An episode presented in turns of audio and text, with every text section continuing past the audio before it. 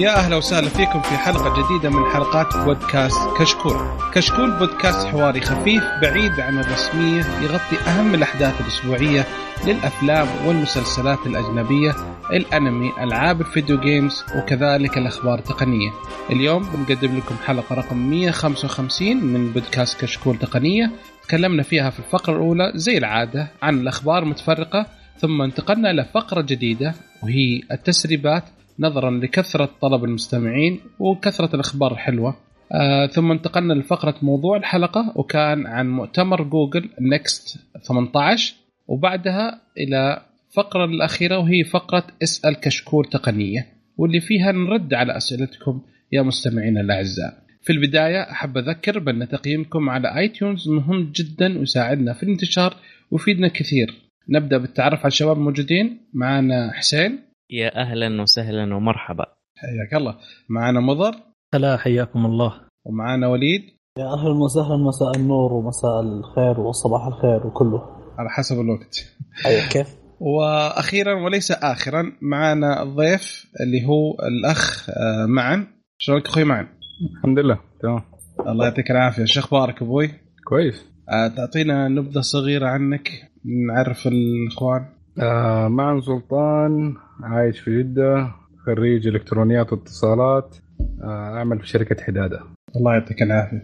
نبغى نتناقش بعدين عن موضوع شركه الحدادة هذه بعدين. أوكي. استغلال ممتاز للمواهب؟ حياك الله يا معن منورنا والله.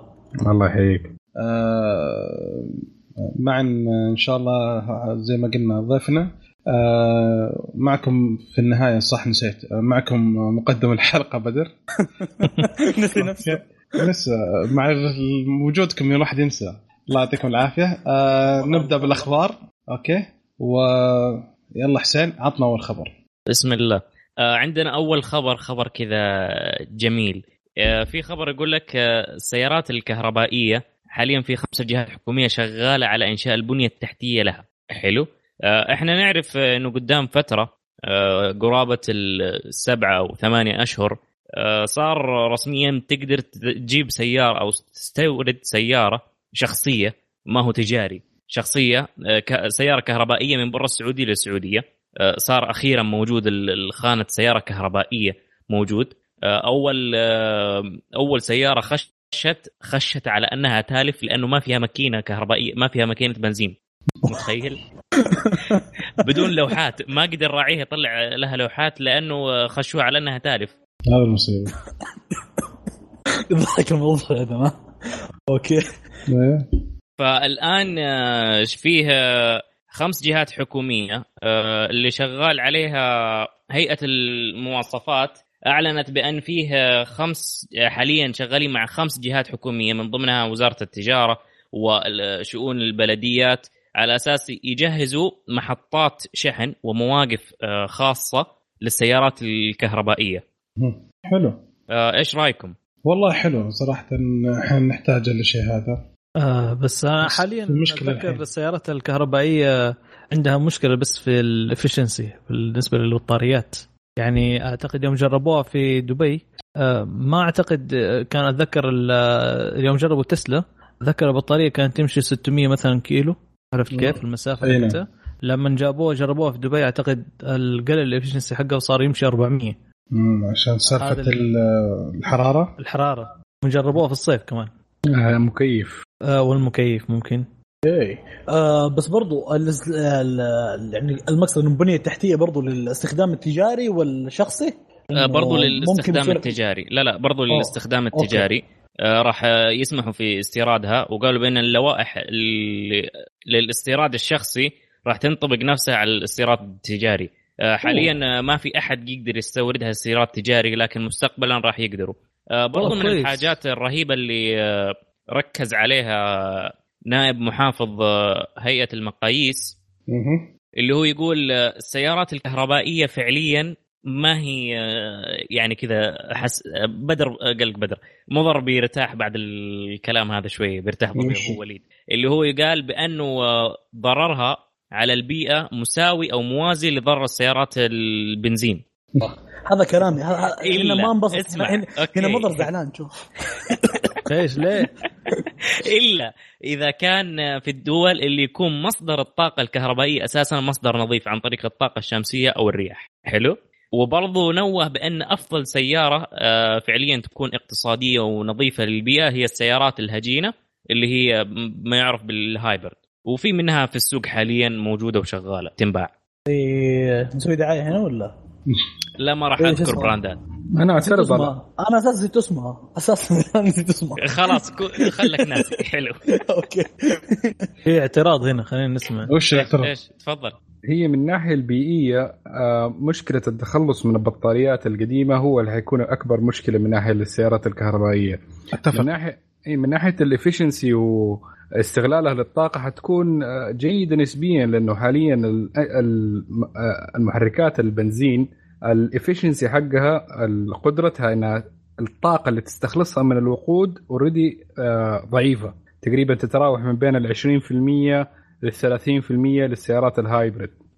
فعلى الأقل السيارات الطاقة الكهربائية ال efficiency حقها أعلى من ناحية الطاقة اللي قدرت تخزنها في البطاريات وترجع تعطيها الكمية الحرارة اللي حتنتج منها أقل كثير من ناحية المحركات العادية، المحركات العادية مشكلتها إنها أغلب الطاقة بتروح حرارة، نعم. عشان كذا في راديتر والتبريد للسيارة مهم جدا عشان لا تنصهر الماكينة من لحالها وتوقف السيارة، فأغلب الطاقة مهدرة. إيه. فاعترض من ناحية إنه تقول إنه خلال الاستخدام حيكون آه، السيارات الكهربائية آه، ضررها للبيئة أعلى. تقصد أقل؟ إيه إنه فاعترض إنه إيه إنه قال إنه ضررها أعلى من السيارات العادية. آه أوكي. والمشكلة هو المشكلة تعرف ما حتكون في السيارة نفسها. زي ما هو قال إنه في البلدان اللي تكون الطاقة حقتها ما هي من الشمس أو الرياح فحتكون إنه ال- مضره بالبيئه لأنها أغلب الطاقة من عندنا بتيجي من ال- آه، البترول الفحم الحجري. بالضبط البترول وال- والفحم. فالمشكلة ما هي في السيارة المشكلة في ال source في نفس ال country إنه ما هي قادرة تعمل implementation لل solar energy وال wind energy اللي هي ما شاء الله متوفرة عندنا كثير يعني. اي كمل صح. وثاني شيء بعد شيء ثاني بعد آه، المشكلة بعد إن السي- البطاريه بعد أربع أو خمس سنوات يمكن تحتاج تغيرها في السيارة اللي أنت شغال عليها. يعني هذه بعد مشكلة ثانية. في أمريكا الشركة تسترجع البطارية بس هنا ما أدري هل تسترجع ولا خلاص دبر أمورك. والله تقريبا هنا دبر أمورك. إذا ما نزلت الوكالات لأنه هذا الأوفر موجود في تسلا إنه حكاية آه، آه، أظن لمدة الخمس عشر سنين اللي تكون فيها ضمان السيارة. فيكون فيها إيه تغيير البطارية مجاني. حلو. حيك... اي هم حاسبينها إن يغيرون بطارية خلال الفترة هذه مرة أو أعتقد مرتين. فكل خمس سنوات حيغيرون. مزبوط okay؟ فالمشكلة اللي الحين هنا هنا بالوكالات السعودية هل أعلنوا عن الشيء هذا؟ الحين جالسين يعلنون عن hybrid. لهم سنة يع- يبيعون آه، آه، بريوس أعتقد. لهم أي. سنة جالسين يبيعونها. اي والحين نزلوا عن آه، كوريلا بعد. آه، مو كوريلا الكامري الكامري الهايبرد هايبرد. آه، فيعني- اللكزس اللكزس الهايبرد موجود. فكلهم يعني نفس الشيء يعني. بس كلهم نفس الوكالة بس هل تكلموا عن بطاريتها؟ ولا إذا جاء والله بعد؟ آه، فحص غير- فحص غير- 50 الفحص ال- على قول خ- شو اسمه؟ فحص الخ- 100000 خلاص. قال لك تغير الشيء. والله نحتاج نغير قيمه 20000 بطارية. انقع هو موضوع يستحق المتابعة وإن نشوف برضه حكاية إنه إيش آه، تاريخ تويوتا حاليا لأنه بدأوا من من أوائل الشركات اللي دخلت سيارات ال hybrid. إنه إيش ال process عندهم؟ إيش إيش بيسووا بالبطاريات القديمة؟ آه، متى بالضبط في جدول الصيانة حاطين تغيير البطاريات؟ الموضوع ممتاز إنه واحد يتابعه. أتوقع هل- آه، تويوتا من السبعينات شغاله بالسيارات ال hybrid ولا؟ اي. إحنا عارفين إنهم قديمة مرة ترى. لا لا الشباب إحنا ما نتكلم عن يعني لا تنسوا أن أغلب آه، زي الجي إم يوم سوت سيارتها كانت حاطتها كاجار بس يعني تستأجر السياره ما تشتريها. فهمت؟ وبعدين السياره تسترجعها الشركة عشان سالفة البطارية وصيانة وكل شيء. فأترك ال- وش صار أول؟ يعني نتكلم الحين حاليا وش اللي صاير؟ أنا أقول لك يعني أنا أقول يفترض إنه من السبعينات يعني يعني أكيد في كمية مهولة من البطاريات وين تصرفت؟ يعني صار عليها؟ وش ال process المعين اللي قاعد يصير يعني؟ هذا نبغى نشوف okay حلو تاريخ ال- السي- السيارات ال- الكهرباء بدأ 1832 1900 1839 السيارات ال- ال pure electricity كانت موجودة من زمان قبل إيه. شو اسمه قبل بعض محركات البنزين إي نعم وف- وفي فترة كانت في عام 1970 فترة النكسة في أمريكا من ناحية إنها زادت أسعار البنزين توفرت في سيارات آه، كهربائية كثيرة بس بعد ما رجعت الأسعار تانية أتخلصوا منها بسرعة عشان آه، لا تضرب لهم السوق. مم. صح. حلو. ويروح سعر البنزين. الله وبريس- يعطيك العافية. بريس بدأت آه، في عام 1990 1997 alright. حلو يا شباب الله يعطيك العافية. شكرا أخوي معنا آه منظر عندك خبر؟ والله عندي خبر صغير هنا بالنسبة ل آه، في عندك آه، أول آه، ذكاء صناعي وصل الفضاء حاليا. طبعا هذه شراكة عبارة عن شراكة بين اي بي ام وبوينغ أو تقريبا حجمه صغير. يعني تأخذ وتعطي معاه. في سمول تقدر تاخذ وتعطي معاه في الأشياء الصغيرة آه، طبعا الذكاء الصناعي دحين آه، بيقوم بأبحاث آه، في الفضاء يعني بدل ما إنك ترسل شخص لا خلاص صرت تقدر ترسل حاسوب أو كمبيوتر على الفضاء وخلاص تقدر تسوي تعمل ال search اللي أنت تبغاه. فانا لاحظت بس شيء بسيط إنه ال operating system حقه أوبنتو أوبنتو المستخدم إيه يمكن عشان أسهل. والله. ما أدري بس في ال developing أنا شفته كأنه أسهل بالنسبة لي. أنا شفت لاحظتها في الفيديو آه، إنه شيء بسيط يعني إنه لقيت ال operating system المستخدمين أوبنتو فيعتبر كويس والله إنه بدل ما ترسل شخص أو هذا لأنه تعرف أنت لما ترسل شخص لازم تأخذ احتياطات كاملة جدا. سواء آه، في ال safety سواء في الملابس سواء. آه، كتدريب equipments ال suppliers حقه وهذا كل شيء. بالضبط. هذا لا، ترسل جهاز وخلاص. تمام. يعطيك العافية حبيبي. okay وليد؟ حلو. آه شركة كورنينج اللي هي أو كورنينج المختصة في آه آه، صنع آه، ال Gorilla Gla- Glass أو المصنعة ل Gorilla Glass. أعلنت عن الجيل الجديد اللي هو Gorilla Glass 6 اللي هو اقوى بمرتين من الجيل السابق اللي هو Gorilla Glass 5 أتوقع طلع في 2016 إذا ما خاب ظني.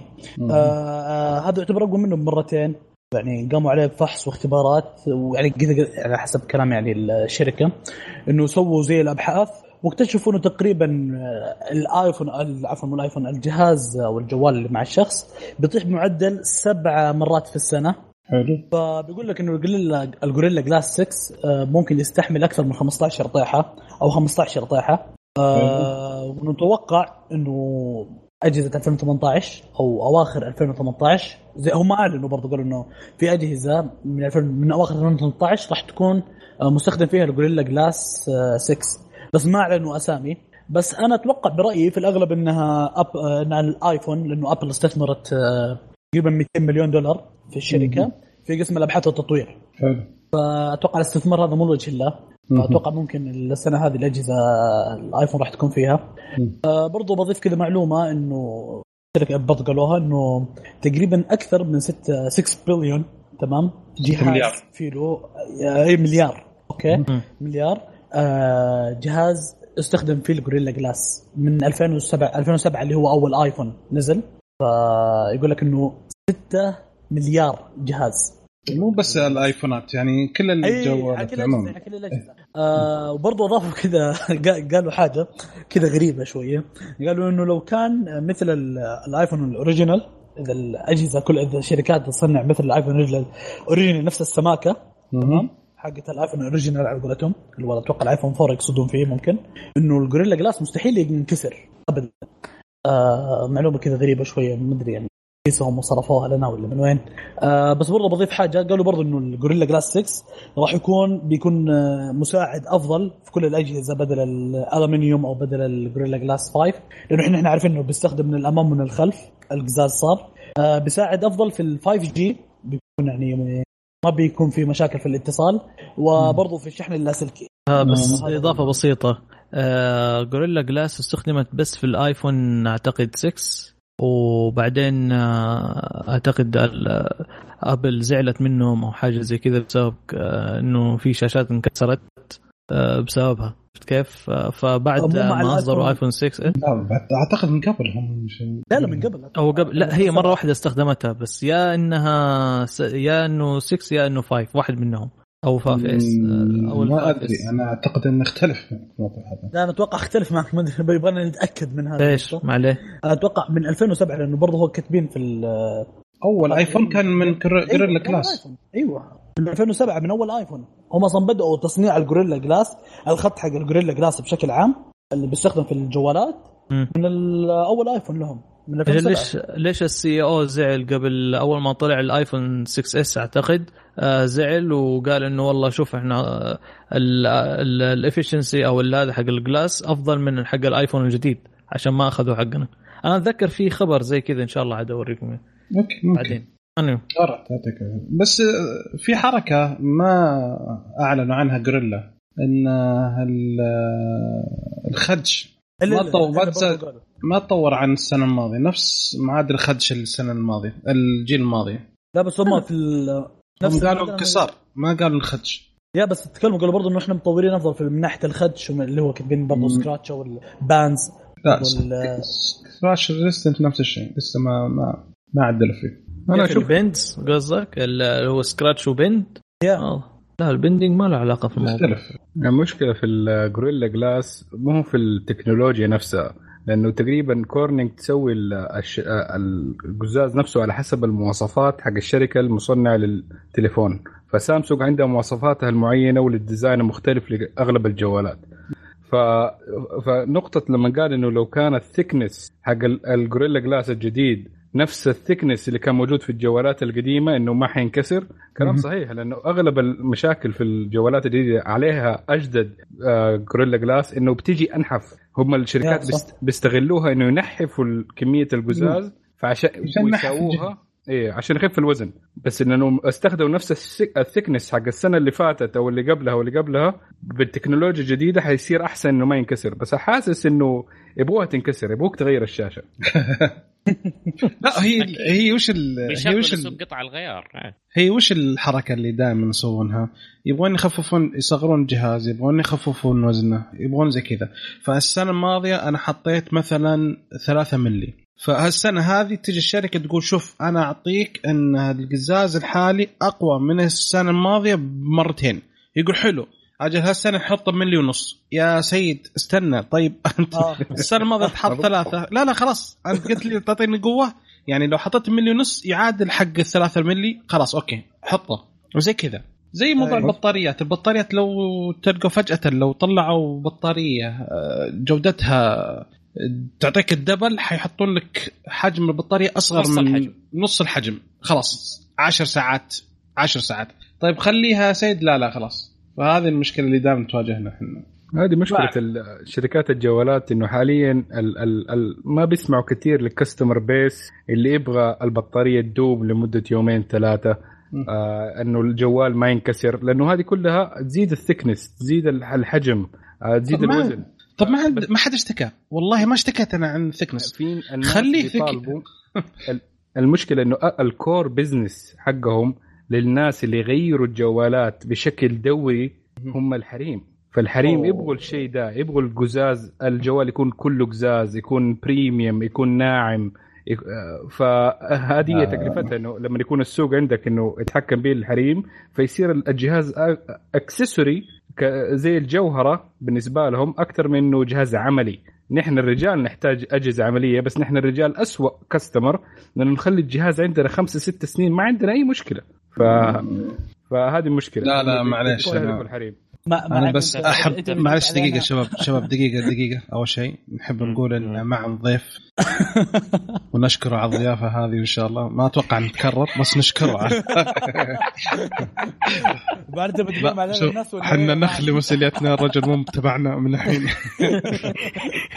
أسرع جحد لا لا لا. لا لا شوف أبوي ما على سالفة ال... ما نقدر نقول بس ال... في نسبة كبيرة من هذا بس نفس الشيء ترى في نسبة كبيرة من الشباب ترى اللي يا رجل في محل قابلته انهبلت عنده دفتر في أسماء أي جوال ينزل يتصل عليه يجي يشتري الجوال. يجيب جواله اللي اشتراه قبل أسبوع يدفع له 100 ولا 200 ريال ياخذ الجهاز الجديد. بعده بأسبوع ينزل جهاز ثاني يتصل عليه يجي. يعطيه الجهاز وياخذ يدفع 200 ريال 300 ريال وياخذ الجهاز الثالث. وعلى طول السنة كذا. عنده وريني قائمة باسمائهم انهبلت أنا. يوم مضبوط. جهازي له ثلاث سنوات قال يا أخ أنت ما تصلح أنت لا و... روح محل اللي جنبنا. لا وجاي قاهره تدري ليش؟ ما أبغى أشتري. جاي بسال عن عن غلاف. ما أبغى أشتري جهاز جديد. قهرته بنفسي قال يا عمي ثلاث سنوات ما عندي case خلاص انتهى. رح دور لك شيء ثاني. ف okay معلش وش كنت يا شباب قلت أنا كنت قاطعتكم لا، لا. كلام هو كلامك صحيح. كنا نتفق مع معا نتفق مع معا okay لا، بس كنت أختلف. ما- أنا نقطة أختلف. جيدة. لا نقطة جيدة جيدة بس أختلف معك. لا، لا، لا. لا لا نقطته جيدة من ناحية ال- إنه عندنا بس هذا شيء cultural إنه المجتمع عندنا عنده دي مشكلة خاصة المجتمعات العربية حكاية الفشخرة. تقل Yeah. شوية من ناحية المجتمعات الأجنبية آه إلى حد ما بس آه لأنها فلوس. ثاني ندفع فلوس. إيوه لأنه ليها برستيج. لما يكون عندك آه، آ- آخر ايفون آه، إكس مثلا آه، 10 10 آه، ح- لما آه، أكيد شفتوها ولاحظتوها لما نزل الجوال مع إنه الجوال له مشاكله له عيوبه بس كثير ناس حاولوا إنه إنه يكون الجوال في يده بأقرب وقت ممكن. يا صح. فقط عشان أقرب مثال أول ما بينزل يعني في السوق آه، يعني عند جرير مثلا زحمة ما هي طيب. طبيعية يعني. جرين ممكن. ممكن أعترف أنا اعتراف بسيط. إيه، صفيت معاهم؟ آه أنا مو بصفيت معاهم. أنا في جرير كنت ثالث واحد آخر. أوه. أوه. اوه لا لا أنت أبل فان بوينت يعني خلاص واصلين ندنا لا بس لا بس أوكي. لا بس لاحظ متى وش كان جوالي الأولاني؟ كان ايفون 6 ايفون 6 أتذكر. بلس. أوكي. فيعني قبل ما قبل ما يوصل للسعوديه الايفون عندي تقريبا كان وصل مرحلة الانتحار خلاص. حتى واحد من الشباب الله يعطيه العافية من اكسيوم اللي قلت لكم عنه كم مرة. إيه. الله يذكره بالخير. جاء قال لي يا أبوي جوالك يقول بيعني. جوالك يقول بيعني. خلاص انسى. فيعني أنا كنت محتاج جوال فعلا. فجت وقدمت ويوم دقوا قالوا تعال. جيت ولا أنا الثالث كويس خذيت الجهاز. أعطاني الجهاز بثلاث ثواني وقعدنا نص ساعة نستنى بس عشان نحط عليه لزقة الحماية. أول شيء ساعة تقريبا تخيل توزيع الساعة 8 خذينا الجهاز الساعة 8 تقريبا أو 8 ولا 9 أو أعتقد 9 9 توزيع الساعة 9 ما طلعت إلا 11 عشان بس أحط عليه لزقة حماية وأطلع بس. من الزحمة متورطين فيه. لا تعليق. أوكي. أوكي. بس آه، زي ما قلنا آه، بس أنا كنت أستخدم اليسر فأنا استخدام الكل على minimum ثلاث سنوات. فما ما غير دائما. عشان كذا فكرة زي أمريكا آه، ياخذون الأجهزة كلها تقسيط. yeah صح. على الأقل سنتين. أقل شيء هذا ليش؟ لأنه ياخذ الجوال تقسيط لمدة سنتين. فهو بعد السنتين يخلص ال contract. يا يبدأ جديد يا يريح سنة. بعدين يبدأ جديد أو يريح سنتين بعدين يبدأ. فعشان كذا تلقى أجهزة هناك شغالة ما عندها أي مشكلة. ناس شغالين على شو اسمه ايفون 5 في أمريكا الحين وايفون 4 وزي كذا. ف... مزبوط أوكي يا شباب آه ما دام قلت مزبوط يا معن اعطنا خبر من عندك حبيبي آه للأسف آه شيء معين ما عندي والله حاليا. لا عندك حق آه، جوجل. بالضبط أي واحد؟ كان فوشيا. فكرني جوجل فوشيا نظام جوجل الجديد لا ما, ما عندي. طيب مو مشكلة. هذا طال عمرك آه، في نظام شغالين عليه جوجل. معلش أنا بقول الخبر هذا حلو. فهو نظام جديد حيز زي النظام مختلف عن آه، عن الأندرويد. حيبغون يطورون جالسين شغالين هم يطورونه. آه، فعلى قولهم إنه شغالين عليه من فترة. وهو يعتمد أساسا على لينكس وحيكون الاجهزه كثيرة. بس يبغون يسوون يعني نوعا ما يكون على اللابتوب ويكون على الأجهزة ال- المحمول ويكون على الهواتف. يبغون يخلونه نظام يعني وش الكلمة بالعربي versatile يعني متنوع وزي كذا. فالحين نوصف الأخبار إن أكثر من 100 مهندس في شركة جوجل بس شغلهم على النظام هذا وإن آه، يتوقعون إن يعني شغالين تقريبا انه يمكن يخلص النظام ويوصل لأجهزة الجوال خلال خمس سنوات من الآن. فهم يبغون يحاولون قدر الإمكان يحلون كل المشاكل اللي تواجههم الحين في سالفة ال- آه، انه فيه كروم أو اس وانه فيه اندرويد وانه فيه آه، برامج. فيبغون يحلون هذه كلها بالنظام الجديد هذا. أوكي؟ يبغون يخلونه قدر الإمكان إنه آه، يصير يتقبل الأجهزة والبرامج اللي موجودة حاليا وإنه يسهل على تطوير البرامج على كل شيء. لانك لما بعدها بتحتاج تطور بس للنظام نفسه هو يتأقلم مع ال- على حجم الشاشة على مواصفات على كل شيء. فهذه الميزة اللي حتكون فيه. انه تطور مثلا جهاز تطور برنامج يشتغل على الجوال يشتغل على اللابتوب يشتغل ما عندك أي مشكلة. ما يحتاج تسوي نسخ منه متعددة. فهذا الخبر حق جوجل فوشيا. إيش رايكم فوشيا؟ Interesting والله. إيش الاسم ذا؟ غريب إيش معنى؟ فوشيا. غريب فوشيا. م- ممكن اسم مؤقت. اي لين ما ينزل آخر شيء يسمونه اندروميدا بدا اندرويد سلم. أنا أشجع صراحة اندروميدا عجبني الاسم ده peanut butter آه لا لا لا. هذا الجديد. عطنا عطنا خبر عطنا خبرك يا حسين. آه في آه خبر كذا مستغرب صراحة شوية بس آه حيكون مفيد لنا إحنا المستخدمين. اللي هو شراكة بين فيسبوك ومايكروسوفت وجوجل وتويتر. حيصير في تسهيل لنقل البيانات من آه، حسابك من أحد هذه المواقع والشركات إلى حساب آخر إذا كنت تبغى تسوي حساب. يعني بدل ما تبدأ تكتب بياناتك من أول وجديد مثلا أنت مثلا عندك حساب في الفيسبوك وتبغى تسوي لك حساب في تويتر. فلما تيجي تسوي حساب تويتر تسوي له اقتران مع حساب الفيسبوك دن زي حركه جوجل بلس أغلب ال... أيوه. يعني كذا تحصل تحت. في برضو اللي يسووها دائما جوجل وفيسبوك دائما دائما يسووها. باغلب ال- آه، يعني المواقع واغلب الأشياء دائما تحصل جوجل وجوجل بلس أو برضو فيسبوك. برضو يعني تويتر ممكن تكون يعني مستقبلا إنه بدك تدخل فيها عن طريق فيسبوك أو جوجل بلس بس بهذه الطريقة وممكن شراكة يعني إنه المنشورات مثلا بتنشرها في تويتر بتجي برضو على الفيسبوك وزي كذا نوعا ما. مهم. وبرضه نفس الشيء ينطبق على الصورة الشخصية وصورة الغلاف الصفحة والبيانات اللي تنكتب في ال bio والحاجات اللي زي كذا. يعني تقريبا حتنتقل جميع الأشياء الأساسية. وبرضه احتمال إنه نفس الأشخاص إذا كنت مثلا تتابعهم على الفيسبوك وهم موجودين على تويتر برضه حتتابعهم على تويتر. حلو.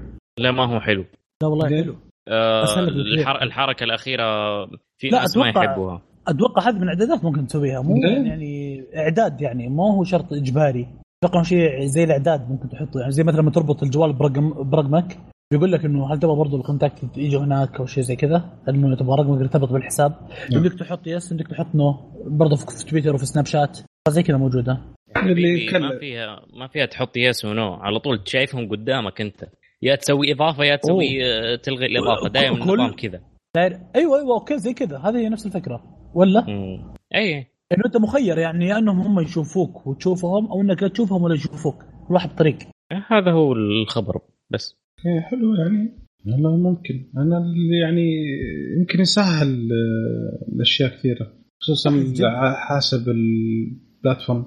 بس أكيد انه حيكون عندك خيار أنت اللي تسمح له يش- ياخذ معلوماتك ولا لا. موجود لازم. ما حيصير. كذا okay اللي بعده؟ يا مضر؟ أيوه سيدي في خبر سريع ما هطول فيه.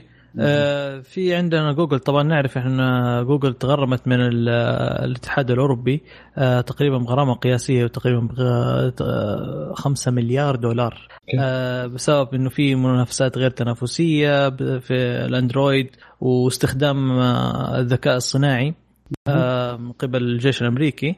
آه، دحين جوجل تقريبا آه، بعد بعد هذه المشاكل أو بعد هذه الاتهامات آه، ما تأثرت بسبب ال- الم- يعني ما تأثرت بسبب ال- الغرامات وكذا. ما شاء الله آه، ارتفع بالعكس آه، نسبي آه، ارتفع سهم الشركة بنسبه 5% آه، الأرباح بلغت 11 آه، طبعا الأسهم بلغت آه، 32 أو 32.65 مليار دولار. آه، فيا حلو. نعرف لك شركة الله وكيلك يا حبيبي قامت تساوم من اللي يتساوم الحين أنا دخلاتك انت تخوف يا حسين. ما أنت دائما أخبارك ما هي في شيء.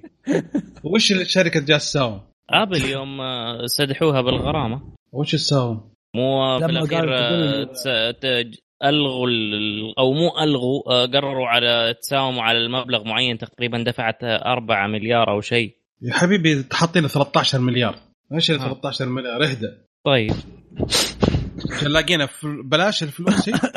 والله بالنسبة لهم لاقينها بلاش. والله يعني تقريبا. fan boys تدري ت- تدري في خبر الحين انه أكثر آه إن Apple هي ثالث أكثر شركة آه مبيعا أكثر شركة مبيعا عبر الإنترنت على النت في الع... في العالم. وفين راحت أمازون؟ ثالث ثالث راح AliExpress. أيوة، ركزوا لي. ثالث ثالث مبيعا كمية المبيعات. الثالث وين راح بعد- حنون بعد. بعد أمازون فين eBay؟ بعد أمازون وبعد بعد eBay طب AliExpress بس أكثر من Walmart أكثر من اشياء ثانية ادخلوا ال App Store في الموضوع؟ هو يعني ما هو. يتكلمون عن النت المبيعات الإنترنت يعني برضه آه، مشتريات okay. ال applications ولا إيه، فتخيل هي الثالث. آه، لا لا يعني ال physical وال software. إي بس تخيل يا شباب ثالث ترى مرة ك... يعني صح المبلغ هذا بس إنه الثالث. مصيبة بس. مع ما عنده مرة شيء. يعني. مرة إي إي إي إي عندهم. فلوس عندهم فلوس. إيه. لا بس بس يدفع بس معقول. قديش؟ خليه يدفع يقدروا يدفعوا 13 لاقيها في عنده. مشكلة. يا حبيبي. يلا وليد عطنا خبرك. معليش آه،. بس آه، معليه عفوا. خطأ بسيط. آه، أنا نطيت من خبر لخبر طبعا. خلاص رتبنا. نرجع بعدين. خذ يا وليد عطنا خبرك يا وليد. حلو. تومي اعلنت عن ال Mi A 2 و Mi A 2 Lite. المواصفات حق الجهاز اللي هو ال Mi A 2 آه، شوف هذا أهم ميزة وش بقولها الآن وهي الأهم يعني تقريبا أيوة. برأيي. آه، Android Oreo مع Android اللي هو ال Android 1 إيش ال Android مم. 1 يا حبيبي؟ هذا تحديث direct من Google direct سوا سوا شاومي حلوين؟ حلو. هذه الأهم ميزة تقريبا في الجهاز. آه آه بشاشة آه 5.9 full HD Gorilla Glass 5 آه ب RAM آه يجي نوعين RAM آه، 4 جيجا أو 6 جيجا آه و storage آه memory آه 32 و64 و128 جيجا. بعدين عندنا الكاميرا الأمامية آه كاميرتين عفوا الكاميرا الخلفية آه عندنا كاميرتين 12 ميجا بكسل و20 ميجا بكسل آه بتصور 4K آه وعندنا الكاميرا الأمامية ب 20 ميجا بكسل مع ال portrait mode ومع آه آه flash selfie. okay؟ آه البطارية 3010 ملي امبير آه بيدعم برضه الشحن السريع. أو في له بصمة. أما بالنسبة لل Lite آه، Android Oreo و Android 1 آه شاشة. آه طبعا دقيقة بس بوضح حاجة هنا. الفرق بين ال A 2 Lite وال A 2 آه مو بس اختلاف في المواصفات برضو في اختلاف في التصميم. ال A 2 في له notch okay؟ آه الثاني لا. okay؟ ال Lite فيه notch الثاني ما أيوة. فيه. notch يا ال Lite في له notch والثاني ما فيه. ما أدري كذا عكسين الدنيا هم شوية. آه برضو آه ال RAM 3 جيجا و4 جيجا يعني مخير نسختين. و32 جيجا ال storage و64 آه كاميرا كاميرتين خلفية 12 ميجا بكسل و5 ميجا بكسل آه طبعا بدون 4K آه برضو كاميرا أمامية واحدة آه 5 ميجا بكسل بدون فلاش مع portrait mode آه بدعم برضو هذه برضو ميزة عفوا هذه نسيت أذكرها. في ال Mi A 2 في بلوتوث 5 وال Mi A 2 لايت بلوتوث 4.2 أوكي؟ أوه، مرة آه، مفرقين. أي مرة مفرقين برضو. في حاجة برضو هنا آه فرق برضو. كان نزل آه، اسم ثاني. لا درجة اختلاف. لا لا اختلاف في التصميم والمواصفات برضو. وفي برضو اختلاف كمان برضو في في له فتحة سماعة اللي هي 3.5 ملم اللي هو ال Lite واللي ما هو Lite ما في له. okay؟ البطارية برضو اللي في ال Lite أكبر اللي هي 4000 ملي امبير مع آه شحن سريع آه بس إنه micro USB. okay؟ ال A 2 USB C USB type C وبرضه مع آه، اللي هو ال- آه، البصمة من الخلف. حلو. الجهاز بيتوفر في بالنسبة إحنا لمنطقتنا المنطقة ال Middle East وأفريقيا في البحرين ومصر وفلسطين المحتلة وكويت وعمان وقطر والسعودية والإمارات. آه بس في حاجة غريبة. آه، برضو خلينا خلينا بخلص أول شيء من المواصفات بعدين نرجع لهذا الموضوع. بيتوفر 27 يوليو في الدول وبرضو 10 أغسطس في دول. آه 27 يوليو زي فرنسا و10 أغسطس مثل إسبانيا. آه بالنسبة للسعر آه ال Mi A2 4 جيجا بايت و32 جيجا. آه بيصير 290 دولار. وال Mi 2 آه Mi A2 برضو 4 جيجا و64 آه جيجا جيجا. memory آه بيصير 350 دولار. والله نقزه كبيرة بالسعر مرة 60 آه، دولار عشان آه، عشان 30 جيجا شريط. 32 جيجا مرة نقزه وفي بال Mi A2 آه 6 جيجا RAM و128 ب 410 دولار والله مرة أسعار كذا متفارقة بشكل غريب يعني فرق آه. تقريبا 120 دولار فرق بين أيوه الفئة. مرة مرة فرق بين ال 290 لا مو فرق بين من نفس الفئة برضو بس إنه نفس. في الرام أيوه أما بالنسبة لل Lite يجي بنسختين اللي هي 3 جيجا بايت و32 جيجا 210 دولار. أما بال Mi A2 Lite آه، النسخة الثانية 4 جيجا بايت و64 4 جيجا بايت RAM و64 جيجا storage 270 دولار. آه، اللي كنت بقوله إنه تشاومي سووا حساب رسمي آه، سعودي تمام. حساب تويتر رسمي لتشاومي. الجهاز انعلن له يومين. تكلموا عنه تشاومي ال- اللي هي ال global و Xiaomi China و Xiaomi أكثر من يعني أغلب ال- ال- الوكلاء والحسابات تشاومي. في العالم وحسابات الأخبار العربية والإنجليزية وكله تكلم عنه. إحنا تكلمنا عنه. تكلمنا عنه. نعم. تمام؟ آه الحساب العربي ولا حتى قال إنه أوه في جهاز جديد. ولا طق له خبر. ينزلوا tweets عن حساب عن الجوال اللي هو ال Redmi ال Redmi Mi 2 أتوقع. ينزلوا tweets عنه إنه أوه إيه. اشتروه هذا له كم آه، الحين الجهاز له ثلاث أيام يعني وال... لا ال Redmi ال Redmi هذا له. كم ثلاث إحنا الحين. عنه ممكن قبل أربع حلقات أو ثلاث حلقات تكلمنا عنه إيه. ولا؟ له له. تقريبا شهر ونص شهرين يا تكلمنا عنه ولحد الآن سوقوا له ولا جهاز جديد ولا حتى إعلان إنه في جهاز جديد مع إنه يعني أوائل حتوفر بالخليج. بتتوفر أيوه هذا من أوائل الدول اللي بتتوفر فيها يعني كمان يعني شيء مرة غريب آه لو بادين نعطينا واحد ما, ما جديد. تبطل حركاتها شاومي. تشاومي والله يعني قاعدة تعاني تشاومي لو ما جاها وكيل للأمانة يعني ما أدري. تشاومي قاعدة مرة تتخبط. كل مرة بشراكة مع جولي تشيك ومرة شراكة مع سوق ومرة مع وكيل جديد ومرة حساب رسمي ما حد داري عنه. آه، حتى ما سوقوا لحسابهم الرسمي ولا كأنه موجود. آه، ولا حتى يعني قا- وحسابهم الرسمي برضه مهملين وما في له أحد يتكلم عن أجهزتهم الجديدة. أنا قلت لك يوم يوم رحت جرير الرجال يقول لي لا. أقول له أيوه. ممكن أشوف الشاومي؟ قال لي بس انصحك لا. قلت له بس بشوف قال شوف حياك الله. تبي تشتري؟ في اجهزه في اجهزه ثانية شكرا. الله يعطيك العافية. يعني شوف OnePlus احسهم مهتمين أكثر من تشاومي للأمانة. أيوه ون بلس مع إنهم مضغوطين. أيوه. كميات تنباع بالهبل عندهم. وال back order شغال عندهم بالهبل. مع ذلك ماشيين. okay حبيبي. آه معن. yes موجود أنت؟ نعم معك. طيب حلو. تعطينا خبر؟ أكيد. نفس أخوهم الجديد ال Xiaomi Mi Max 3 أوه. إيه برضو حتى أنتم ما سمعتوا عنه. شايف كيف؟ ولا اعلن عنه.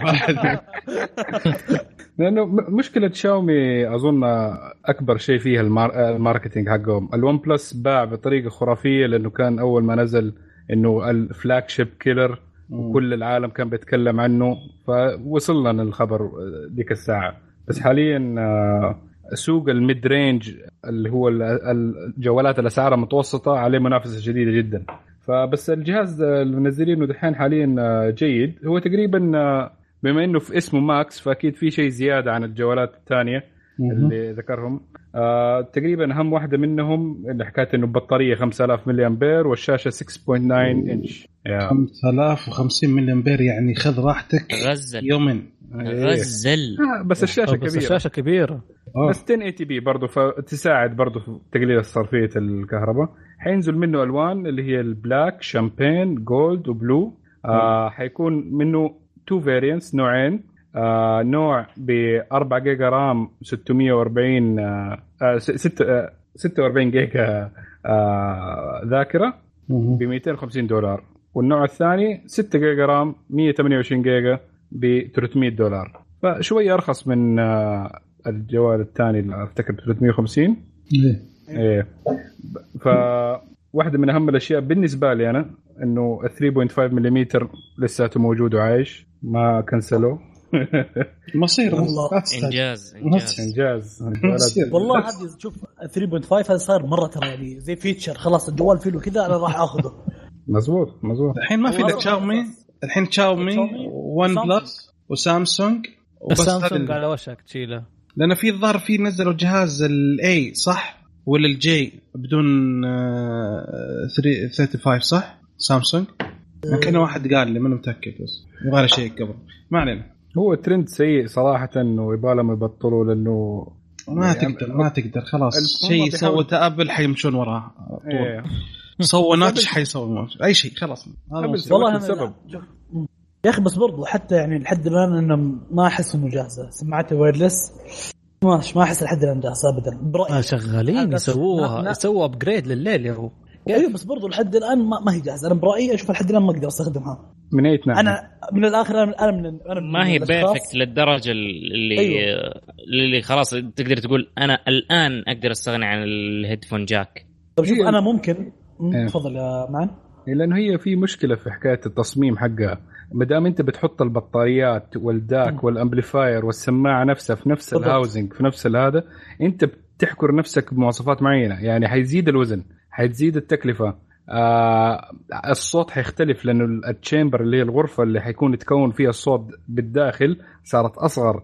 فانت بتحارب نفسك بزيادة كده. آه مزبوط فهذه واحدة من أهم المشاكل حقتها إنه صوتها ما هو ذاك الشيء لما تقارنها بالسماعات القديمة الوايرد شوف ما راح تفرق مرة معك ترى. يعني بس إنه ممكن الشخص اللي اذنه حساسة مره حتفرق معه. ممكن. آه، مش لا بس. معلش شباب في شيء ثاني ترى. حتى لما مخارج الصوت اللي تستخدم في الجوالات إلى الآن ال- الداك حقها ما هو بذاك المواصفات القوية. ما في إلا جهاز. إل جي هي الوحيد اللي تعطي آه، الداك أوكي. قوي صح ولا لا؟ صح أتفق معي. الجهاز اللي ما في إلا ال نتكلم جي عنه. أوه. صح مزبوط فهذا هو فأقول لك يعني ال جي مثلا آه مين بعد يا ربي مين سوني بعد؟ كانت كويسة برضو سوني كانت سوني كويسة كانت الحين صار. وقفت الحين صارت ال 3.5 مصيبة. فخلاص انساها فأقول لك يعني كانوا يحطون الداك اللي يحول اتش ال تي سي نزلت اتش تي جهاز. سي مزبوط صح صح اتش تي سي اتش تي سي وقفت الحين خلاص. ال V- 3.5 آه في جهاز ثاني برضو ال Axon 7 كان برضو عليه DAC ممتاز. Axon ساكن تكنسل الجهاز. كلكم جالسين تقولون أشياء ميتة. خلاص انتهت. Axon 7 الحين ما ما ما, ما في Axon 8 بعد. لا، بس- أنا أشوف إنه الاجهزه دي okay إنه صارت خبر قديم إنه موديل قديم وزي كذا.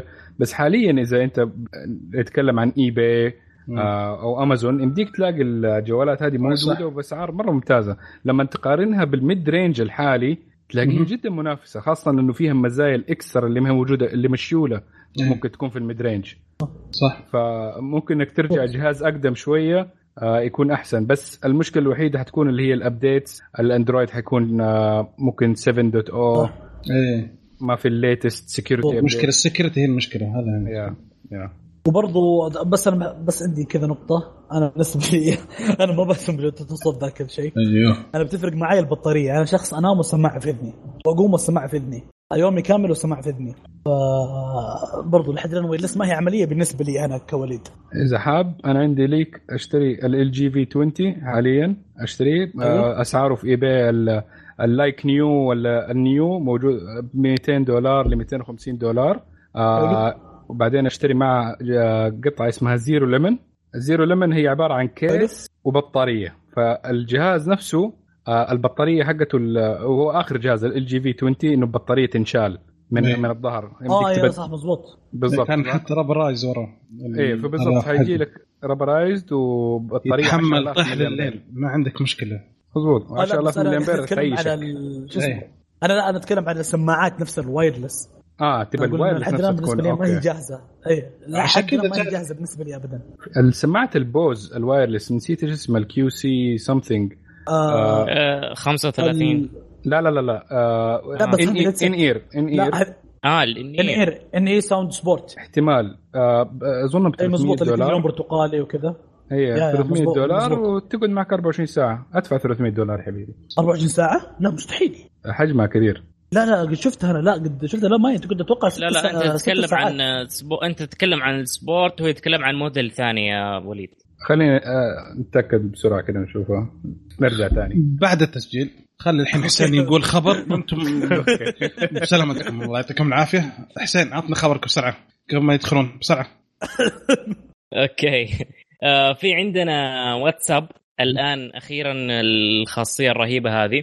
راح يضيفوا ميزة إنها تتاكد من الروابط هل هي روابط خبيثة وتعطيك تنبيه الآن ال- الميزة هذه موجودة على نسخة آه، 2.18.221 اللي على نظام اندرويد اللي هي النسخة التجريبية. آه، للمطورين آه، فعاله حاليا هذه ال- الميزة بحيث إنه لما يجيك رابط غير موثوق راح يكتب لك عليه كذا بشكل أحمر رابط غير موثوق ولما تجي. تسوي تفتح الرابط راح يقول لك رابط غير موثوق. هل أنت متأكد تبغى تفكه؟ تسوي آه، لا ويروح جهازك فيها. حلو. فيا بصراحه هذه الميزة نحتاجها بالمرة بالت- بالتحديد للكبار السن يحتاجوها. لأنه أنت عارف آه، ما شاء الله تجيك روابط ما تدري من فين. لقد ربحت مليون ريال. هايبر ماركت مدري مين. روح عاد آه، سوي اللي تبغى. فميزة جميلة. حلو. واتساب هذه الفترة أشوفهم قاعدين يحطون آه، ميزات رهيبة. زي آه، لما تجيك آه، رسالة محولة يطلع لك بأنه هذا محول الرسالة راسل أكثر من واحد ما هو اللي كاتبها. هذا الروابط. هذا الحين مس... أنا قالوا لي قالوا ترى ميزه قلت ما عندي مشكلة ترى كل من أول أنا كله أحول ما عندي ولا شيء أكتب حتى رد على الناس بالتحويل. فما. أكثر واحد يكتب في الواتساب. بس خذني بطل في التويتر. ما في تحويل. كله كتابة. كلام كبير. وفي الموقع برضه ها؟ وفي الموقع. الله يعطيك العافية حسين. شكرا حبيبي. نظر آه ف- والله في خبر جميل. وأنا قلت لكم ترى إنه ال 5G ما حينزل إلا في 2020 حلو. آه. في عندك Qualcomm. آه Qualcomm أعلنت عن آه، هوائي جديد آه antennas ال 5G آه رقمها اللي QTM 052 آه طبعا آه، من كثر ما هو صغير يقول لك آه، ممكن تحطه في ال bezels أو على أطراف الشاشة في الأجهزة في الجهاز حتى ممكن تكثر ممكن تحط داير ما يدور في الجهاز على الأطراف الجهاز إلى 16 قطعة antennas oh wow. بحيث إنك إذا مسكته من أي جهة أو مسكت أو مثلا آه، آه، ممكن يعمل آه، pose أو ممكن آه، بأي طريقة ممكن تقدر تستخدمها الجوال. فطبعا ال- بالنسبة لسرعة الاتصال برضو جدا قوية تقريبا حاطينه ال double في السرعة. ف إيش رأيكم أنتم؟ طبعا إلى الآن دحين. يقول لك آه، ما حيطلع إلا في بداية آه، 2019 مهم. حاطط بين قوسين and hopefully إن شاء الله. ياخذ مسؤوليته من الحين قلت لك لأنه أنا أنا متوقع إنه 2020 هو اللي حيطلع. في ال في على الأجهزة. الآن في ما زالت اختبارات عليها. آه ولسه ما زال في يعني آه لأنه جدا معقدة. فيها برمجيات وفيها فغالبا إنه حيطول ال 5G okay في preparation في قاعد نسوي إحنا البنية التحتية حق ال 5G ولكن الأجهزة ما أشوف تشتغل إلا في 2000 ونص. نقول يا أخي نهاية 2019 حلو. يلا. ننتظر نشوف. إن هذا وبعض بعض المرات ترى يحطون آه، في الأجهزة حتى لو قبل ما تنزل الشبكة. لأن يبغون الجهاز لما يكون عمره سنة أو سنتين يشتغل على الشبكات الجديدة ما يكون متأخر. فيوفرون الأنتنة وإذا اشتغلت الشبكة عندك اشتغلت. ما عندهم مشكلة. صح؟ آه، صح. المفروض هو سووها يعني في أكثر من شركة سوتها. إنه ممكن يشتغل على الشبكات القادمة. لكن أنا شايف ال 5 G سبق الأجهزة. بحيث حتى ال- ال- الأمارين إنه ال Qualcomm إنه دوبه نزلت ال chip هذا وإنه ما حي أو ما حيبيعوها أو ما حيطلقوها إلا في 2009 بداية 2009 أوكي. الله يعطيك العافية حبيبي. تسلم. آه وليد؟ حلو عندي خبر كذا بسيط. فيسبوك وإنستغرام بيقفلوا الحسابات الأطفال اللي عمرهم دون ال 13 وما راح يمديك ترجع الحساب إلا إنك تصور الهوية. تثبت إنك أنت. تثبت إنك أنت إنسان عاقل وعمرك فوق ال ميلاد، ها؟ 13 بعدها يمديك تستخدمه منها يا حبيبي طيب. أنا المفروض يسوون في تويتر صراحة؟ ما ينفع والله. قد تويتر سووها قد قفلوا ال- لا بس ما ينفع. ما مشكلة في ناس كبار بس ان تفكيرهم زي البزارين. والله. والله ما في حل معاهم للأسف. والله. ما في ابدا. الرجل والله أذكر أسماء بس خلاص خلينا نمسك طيب آه، سؤال. آه، بالنسبة للأطفال اللي كذابين في عمرهم كيف تعرف؟ لا بعد اثبت عمرك تدخل. جيب بطاقتك. لا، لا، ممكن أنا يقفل حسابي يقول لي يقول لي يجيب لا يجيب لي هويتك. وهل أي. تعتبر legal إنك أنت ترسل لجهة أنا- هويتك أو الباسبورت حقك؟ أنا أتوقع أنا أتوقع انه أتوقع إنه ما راح يسمحوا بذا الشيء. يعني مثلا الحسابات اللي أول ما تدخل في سن البيرثدي حقها تحت 13 هنا راح يقفل آه، راح يقفلوه مو راح يقفلوه ما راح يفتح له. أيوه كويس. ما راح يسوي له فتح حساب أساسا. هو غير كذا يا أخي. آه، صح مزبوط. ما هي بس أنا بتكلم على هل معقولة إنه حيطالبوا مثلا الناس اللي هم مثلا وصلوا على آه، يعني أي عضو مثلا شكوا فيه أو كذا يطالبوا فيه هويته أو شيء زي كذا. هو يعتبر أول شيء هل هو ليجل إنك أنت تطلب الشيء ده ولا هذا بس فقط في أمريكا الموضوع هذا؟ غالبا في أمريكا الكلام هذا أعتقد. لأن هم أصلا تدري لما يسمونه يعني لو تفتح الحين لو تبغى تروح تفتح حساب جوجل إذا أنت عمرك صغير ما يفتح لك صح، حساب ميل إيه. صح ولا لا؟ أنا كنت بفتح لعيالي ما قدرت رحت فتحت لهم ياهو وفتحت لهم آه، هات ميل يفتح لهم أما فزي كذا. فهذا فهذا يعني على قولهم آه، آه، يعني الشركة هي اللي تبغى كذا حاطة قوانينها فما عنده مشكلة أنا حاط إنه ما يدخل ما يدخل حسابي واحد أقل من 13 سنة بس ترى الليجل ترى على فكرة الناحية هذه هنا بالنسبة للسعودية آه، حتى في مواقع آه، ت- تبع يعني تشتري منها بدون ذكر أسامي. كانوا يطلبون هذا الشيء والناس رفعوا شكوى طبعا على وزارة التجارة أتوقع سببت له مشكلة أتوقع إنهم قفلوها. موقع كبير جدا موقع عربي كبير. عشان بس يعني, يعني؟ عمر آه، لأنه لأنه إيش إنه يقول لك آه، أنت ما دام شوف ما دام شيء جهة غير حكومية أو شيء غير مطالب فيه أتوقع إنه يعني يعتبر ما تقدر تصور أحوالك صح. فالموقع هذا كانوا يسوون ذي الحركة يعني بدون هدف يقول لك يعني تعرف كانوا مسوينها بطريقة يعني نوعا ما وسخه أتوقع يستاهلون. لأن لا استغلال كانت لا لأنه إيه كان يقول إذا أعطيتنا الهوية راح نشحنها لك أسرع. أي هذا هذا الموقع كذا اسمه خلاص. خلاص. خلاص هذا غير اسمه؟ أي اسمه في الواتساب حط في الواتساب. أيوه. لا نهرول إحنا قاعدين. طيب حلو. يعطيك العافية. خلاص. طيب آه، حبيبنا معا؟ عندك؟ لفترة محدودة. يمكنك اقتناء بدلة ايرون مان الطائرة. وبسعر خرافي 600 ألف دولار. ويمكنك الطيران لمدة ست دقائق بسرعة 32 ميلا وتصل إلى ارتفاع 12 12 ألف قدم. ثم الله يرحمك. أوكي. حرة سالفة البدلة هذه. والله. السعر دهبل السعر شايفه كيف انت 600000 ولا شيء 600000 دولار يا حبيبي. هذا دحين تستأجرها دحين أربع دقائق؟ أربع لا دقائق. هي مدتها بس مده البنزين حيغلق. بعدين انت لازم آه. تنزل. مو تنزل ترميك. بالأصح.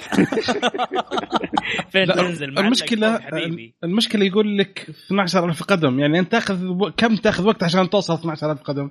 ما يمديك توصل. الثلاث دقائق ولا أربع دقائق إلا أنت بالنص. يعني دقيقة. كمية ثلاثة؟ دقيقة يقول لك الارتفاع 3.3.6 كيلو متر. نعم. سرعة 60 أربع دقائق ما عندي تجي غلط في الرياضيات أنا ولا الموضوع غلط؟ لا هذا هذا الحدود. السرعة اللي أوكي. تقدر توصلها 60 حلو؟ سرعتها وأنت ماشي على- يعني كيف horizontally horizontally اي وتحتك أرض؟ إيه. 60 كيلو تقدر تمشي توصل إلى 60 كيلو. إذا تبغى ترتفع فوق توصل ثلاثة. إلى مفروض إنها الأجهزة كلها تشتغل الا الارتفاع هذا. ما حد حي... ما حد يجرب. ما في وقت أصلا. لما توصل يكون أنت قد قدك ميت واصل هناك قدك خلاص تتشهد حبيبي أربع دقائق عندك. ما فيك. وش السرعة اللي حد بأربع دقائق توصل 12000 قدم؟ هذه هي. ما يمديك. مرة. تتكلم عن يعني كل وشو كل 4000 قدم في دقيقة؟ بس سعرها معقول. عندك أربع. دقائق تذكر ذكرياتك الجميلة واذكر الشهادة وانتهى الموضوع. وب 600000 لا عمي فيها طرق أرخص إني أموت. لا لو دفعت. لو دفعت 650 ألف يجي معها دعاء السفر حق الخطوط السعودية. اسمع في في ال Hilux مسوين شو اسمه زر كذا تضغطوا تحت يطلع دعاء السفر.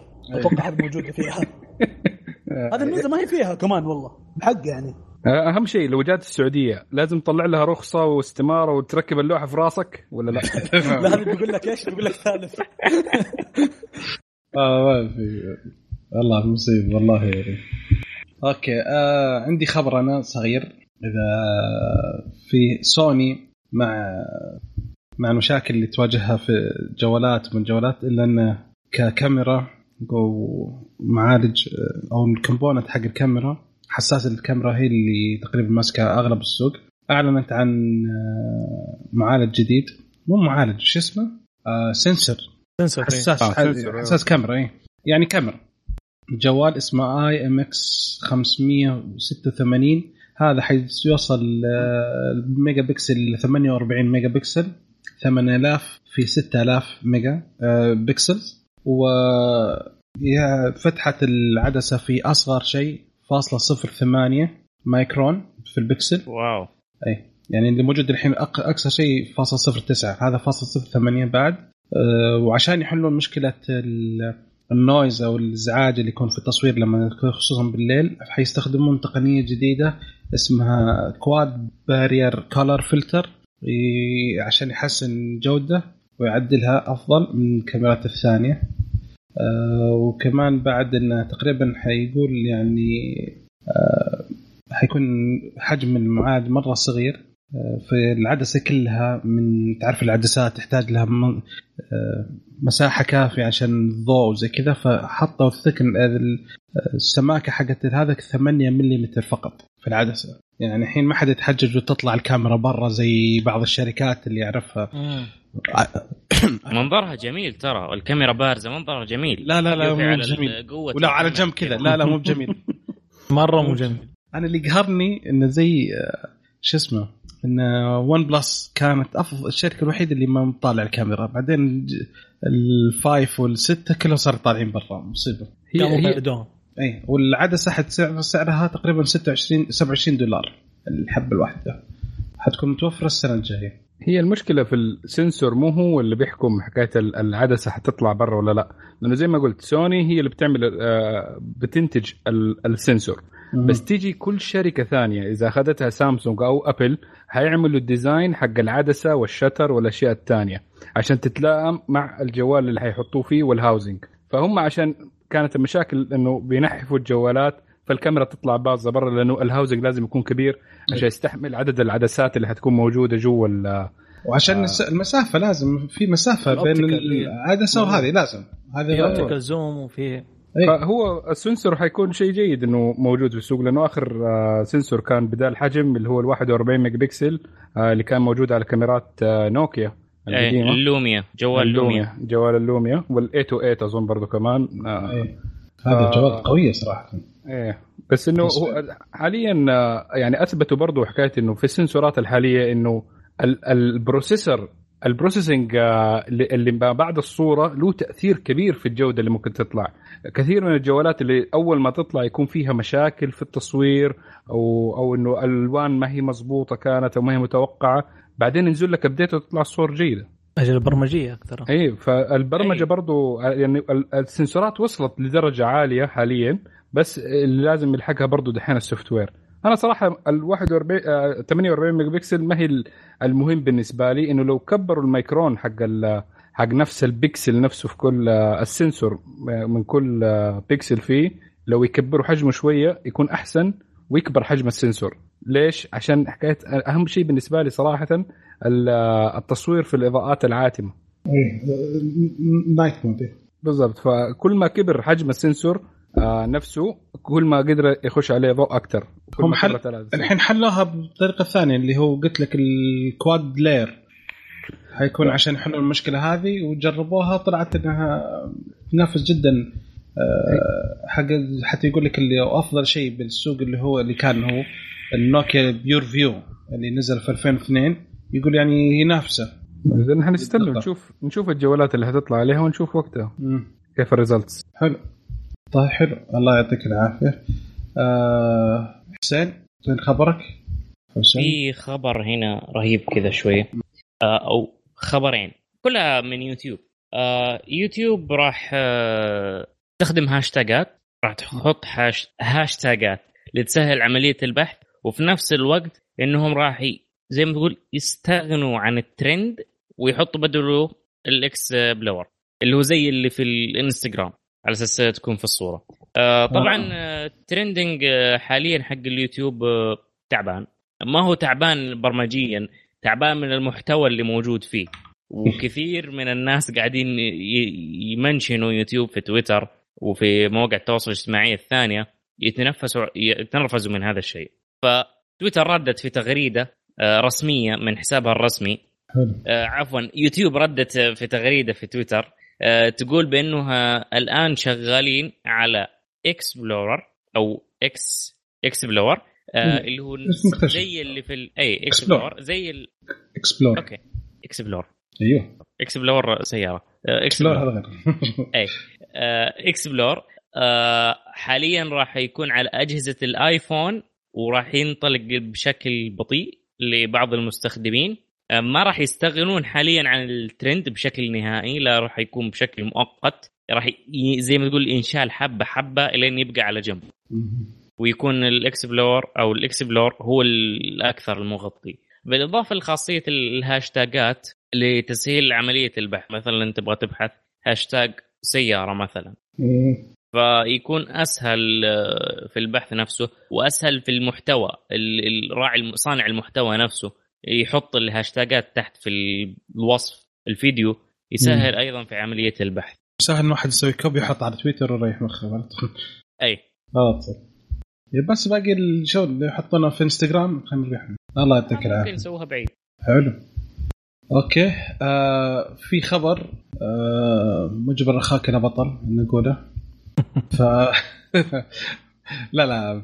آه في يقول لك إن Snapdragon 845 انه آه، الموجود حاليا في بعض أجهزة الأندرويد ال- زي ال Galaxy ال S 9 ال OnePlus وال LG G 7 وال HTC U 12 بعد. آه، انه في مواصفات كثيرة بس آه، أحد المواصفات الجديدة إنه يساعد آه، يعني عنده سرعات آه، نت عالية جدا أداء عالي. وانه أسرع في التحميل آه، في ال data في ال- آه، شو اسمه آه، في 192% عن الأجهزة الغير أندرويد. okay؟ 192% اي مقارنة بالأجهزة الغير أندرويد. آيفون. يعني إحنا ما عندنا ممتازة. عندنا لاحظ يعني ترى في عندنا 17 نظام تشغيل. كان صف الصفين قال إحنا اثنين. إيه. المنشور الم- المنشور. المشتهر أكثر بغير بعد الأندرويد الآيفون. أو وش وش البرنامج الثاني؟ ما في شيء. عندك أندرويد وعندك iOS. انتهى. هذا النظامين. ما عندك أي شيء ثاني. ثانية. في أنظمة ثانية. المهم. ممكن. فيقول جربوه. آه، في على كل على عدد أجهزة. وجربوه مقارنة بالأجهزة اللي ما تستخدم نفس ال Snapdragon okay؟ اللي مثلا فيها Intel معالجات Intel واللي على شبكات مثل T-Mobile وعلى اي تي ان تي أصلا آه، من أول في مشكلة بين آه، يعني في Intel مهما تحاول تلحق مو بقادرة تلحق Qualcomm وهذا اللي سوى سبب مشكلة كبيرة ما بين Apple وبين Qualcomm إن Apple قررت تنزل سرعات Qualcomm عشان تصير تتوافق مع سرعة ال Intel وهذا اللي زعل Qualcomm على Apple ليش تنزلين سرعات معالجنا؟ فهذا الخبر. هو من في إضافة بس على الموضوع. آه ما أظن إن هي مشكلة في ال operating system هي اللي كانت تحد ال- السرعات. آه هي أظن بس خاصية كانت في ال 845 وهو ال- الأشياء الثانية اللي بيقارنوها هي زي ما قلت هي المعالجات الثانية اللي هي زي ال Kirin اي لا لا. الهواوي. لا أنا ما قلت ما قلت المشكلة في ال operating system آه أنا أقول هم قالوا إنه في الأجهزة اللي شغالة على نظام اندرويد مقارنة بالأجهزة اللي ما تشتغل على نظام اندرويد آه مزبوط, مزبوط. يعني ما قالوا non Android devices قولوا iOS ريح مخكم يعني إحنا عارفينه ما في حد يحبوا يلف ويدور يا أخي. إي بس يعني عشان لا حد يقول شيء. الصدمة عليه يلطف الصدمة عليكم. آه، عارف؟ لا لا صدق. طيب. الصدمة الحقيقية لما تكون على STC ولا موبايلي عندنا في البلد. ولا واحدة في معاك أساسا. هنا اندرويد أو والله والله عندنا مشكلة صدق مصيبة عندنا في هذا. عندنا في العمل جو حطوا مقويات جت شركة STC وحطت مقويات عشان تشتغل. المشكلة انه كان ال... كان شبكة ال STC كويسة أساسا. اللي هنا عندنا مشكلة فيه شبكة موبايلي. موبايلي أرسل جو قالوا تبغون نركب آه، آه، مقويات؟ قلنا okay. قالوا خلاص إن شاء الله استنونا. وهذا كلام قبل ثلاث سنوات. إحنا نستناهم يا عمي طب أنتم أنتم عندك إحنا عندنا نعاني مشكلة من موبايلي. وطالب مطالبين تجون أنتم. STC جت قبلكم وركبت وطلعت وأنتم لسه ما جو غريبة الحركة ذي. مع إنه صف يعني في الك... في ال fiber العكس. يوم جينا إحنا مددوا جو وخلصوا ومددوا كل شيء وركبوا. لي الحين ثلاث سنوات وال STC لسه ما وصلت. يعني واحد لازم يكون عنده شريحة هنا وعنده شريحة هنا وعنده شريحة ما تقدر تقعد شركه واحدة هي في مشكلة الد- يسموها duopoly ولا إنه حكاية مو مو زي monopoly إنه الشركات عندنا حقت الاتصالات متفقة فيما بينها إنه حكاية خلاص أنت شوف بدل ما نصرف الاثنين ونقعد نسوي تنافس أيوة نلخص بالضبط. اسعار الكلام الفاضي ده لا أنت روح هنا أنا أسوي هناك وكلنا نقبض وانتهى الموضوع ولا نتهاوش. مرتين. ولا. نزعل من بعض ها؟ لأنه. عندنا مشكلة إنه حكاية إنه الشركة نفسها STC أو موبايلي خاصة في ال fiber هي لازم اللي تمدد السلك لل end user. إيه. فهذه التكلفة جدا كبيرة عليهم حتكون. فبيختصروها بأنهم يعملوا إنه خلاص أنت رحت هناك خلاص أنت أتولى الموضوع نحن هناخذ دي الجهه okay okay. والله مصيبه والله. طب هذا كذا ما, ما استفدنا شيء. أيوه في أمريكا آه النقطة كويسة هو طبعا في مشاكل كبيرة في إنترنت أمريكا. بس في أمريكا الإنترنت ال fiber كان موجود تقريبا من عام 1996 بدأ ال implementation حقه. اللي كان بي- بيمدد الأسلاك كان الحكومة نفسها. إيش الفكرة في الموضوع؟ ما دام هذا الشارع عمومي فأي حاجة تحت الأرض ملك للأفراد كلهم. فأنت أوه. تجي يا يا تي اي تي ان تي أو Verizon أو Comcast يمديك تستخدم السلك ده. فإنت بس شغلتك تجي تحط ال box حقك عند الآدمي. صلى الله وسلم. انتهى. فهذه مشكلة ما هي موجودة عندنا. حكايه إنه لا كل واحد عنده ال- الأسلاك حقته عنده هذا ما فتربط بموضوع إنه STC موبايلي وعندنا ما شاء الله شركة الاتصالات آه، أغلبها كسبانة بشكل مخيف من مقار- عشان الأسعار المبالغ فيها اللي بيعطونا هي. فما في التنافسيه ذاك الشيء لأنه هو طيب، سوى ما سوى بيقبض. أصلا ما عمري قد شفت أنا بالأمانة حارة فيها STC وموبايلي fiber. ما في ولا مرة قد شفت إيه، آه صح مزبوط. أنا ما عندنا بس شفته. موبايلي ما عندنا STC المكان اللي فيه الموبايلي STC ما بتقرب كل مكان في ال STC موبايلي ما راح تقرب. أنا مشكله عشان كذا الاسعار تعرف المش... ابدا كلهم اسعارهم غالية. أنا أنا يعني مش- تجبر إنه انت أنت بيتك موجود في الموبايلي ما بدك تقول مثلا بروح STC أرخص. ما هي أرخص طبعا يعني. بس ما بدك ما عندك الخيار هذا. خلاص أنت مجبور تبغى fiber. عندك موبايلي أعتقد- نفس السعر خذه. أعتقد عشان كذا نزل دحين آه، شركة الكهرباء الآن قاعد تمدد هي ال- ال fiber أعتقد وتستأجرها STC وموبايلي. ممكن مزبوط مزبوط هي الفكرة حقت شركة الكهرباء إنه ما دام نحن شاقين الأرض مرة واحدة okay. عشان نحط الاسلاك الكهرباء نحط معها أسلاك ال fiber. بعدين تيجي أي شركة تانية حابة تستغل أسلاك ال fiber حقتنا حياها الله. ذكاء والله من شركة الكهرباء صراحة مره حلوة حركة. مزبوط اللي هي ضوئيات. ضوئيات إي بالضبط. طيب حبيبنا مضر تعطينا خبرك يا حبيبنا. يا سيدي في آه، أمريكا الآن آه، في المطار في JFK بالتحديد آه، في نهاية July إن شاء الله بيستخ... الحين بيحطوا أو بيستخدموا اللي هو ال CT scanner. CT scanner اللي هو من computing أو. computed tomographic scan طبعا عفوا؟ أشعة مقطعية. أيوه اللي هي ما أعرف بالعربي شيء. ال CT ال CT scanner. طبعا هذه تقدر تشوف ال- ال- ال bags أو تقدر تشوف ال- الشنط أو ال- الأشياء اللي تدخل عن طريق ال CT scan تقدر تشوفها 3D تقدر آه وطبعا حلاوته إنه خلاص لما تدخل هذا كانوا يجبروك لازم تطلع اللابتوب لازم تطلع الأشياء ال liquid الأشياء هذه لازم تطلعها برا وبعدين يفتشوها. الآن دحين خلاص ما عاد يحتاج آه مجرد بس تدخل الشنطة على طول يسوي لها rotation يشوف إيش فيها جوا وإيش في طبعا يساعد في إدارة ال security أو في أمن المطار آه إنه يعني يسهلهم الاجراءات التفتيشيه أفضل بسرعة أكبر. إيش رأيكم أنتم؟ ممتاز. وال- والله فكرة. حلو. نشوف. تطوير. هي حتكون اغلى بالنسبة لهم من ال 2D ال X-ray العادي اللي هو موجود في المطارات من أول. هي خاصه يمديك تشوف أكثر details إيش الموجود في الشنط آه،. من ناحية إنه الأشكال حقتها لأنه أغلبها حاليا زي أنتم أكيد كلكم عديتوا على المطارات أكيد. وشفتوا لما تعدوا من التفتيش الشنط وهي تعدي. نفس ال system موجود في الشنط الثانية اللي حتخش الطيارة ال- اللي هي ال checked in bags ف حتكون أحسن بالنسبة لهم من ناحية الأشياء الأمنية. وأسرع. وأسرع. okay. يعطيكم العافية شباب. آه عندك خبر الحين يا مضى؟ آه معا أيوه خبر أيوه. جميل جدا. then. الهند حتوقف دعم الجوالات الآيفون على شبكاتها كلها. أوف. صفقوا يا شباب. أي والله حمد يا ناس فاهمه يا رجل. ليش يا رجل؟ أبل آه عارفين عارفين ال- المشاكل اللي ممكن تيجي فبيحموا الشعب من الآيفونات.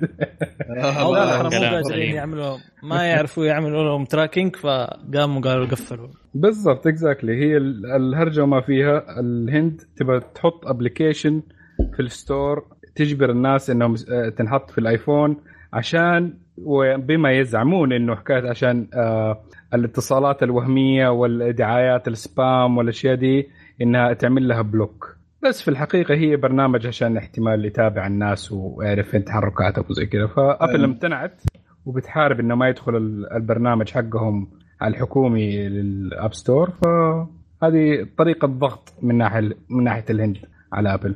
ونشوف إيش آه، التطور التطورات اللي حتحصل بعدها. هذا ما صار شيء هذا. حال- حاليا بس آه، أصلا أصلا ابل خلال السنة هذه كلها ما باعت الا يمكن مليون جهاز في الهند. فيعني حتى لو تزعل خلوا السوق لكم ما نبغاكم. بس مين ال- ولا شيء. ال- ال customer base اللي اشتروا المليون جهاز آه، أكيد ناس واصلة يعني برضو فحتزعل. عارف بس, بس أقول لك يعني مهما يكن ترى عدد قليل يعني لا يتهددون واجد ترى. ما أنتم ذاك السوق اللي تخليه ما أنتم الصين. الصين تقول لابل ابل تقول "أوه، okay نتفاهم تعال. الحين الصين أكثر مبيعات من أمريكا نفسها فيعني ولا نتكلم عن مبيعات الخليج ولا هذا ولا شيء. الخليج يعادل مبيعات ولاية واحدة في أمريكا.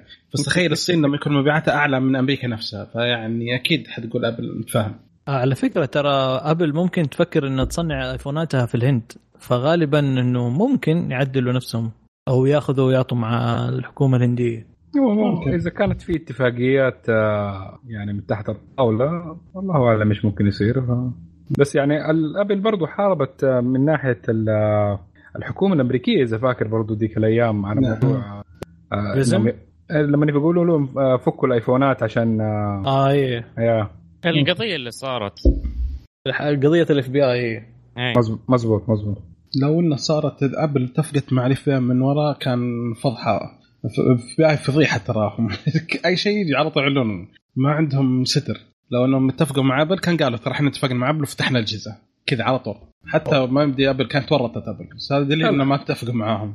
هي مشكله ال FBI إنه يستخدم أي شيء ممكن تستخدم ضدك لل للدعاية مضادة بعدين كرت. فأنت آه حتسوي شيء favor معاهم مرة حيقعدوا يزلوك عليه. تا تبغانا نقول للناس؟ هذا. سويت معانا أول؟ آه. عشان كذا خ- ابل اختصروا وهو ولا سووا معهم شيء قال ما تنضبط لا، أساسا. بالضبط. okay حسين؟ okay. آه في عندنا إنستغرام عندها خاصية جديدة أو تحديث جديد. إنستغرام ناوية تقلبها محادثات فيسبوك الخاصة ما أدري ليش. المهم آه الآن صار يمديك تشوف آه، خوياك أونلاين ولا لا؟ على الانستغرام. لا. ترى هذا مصيبة يعني آه، من فين نلقاها؟ فيسبوك يقولوا الحين طريقة واتساب. انها ميزة هذه يعني؟ ميزة هذه غثا.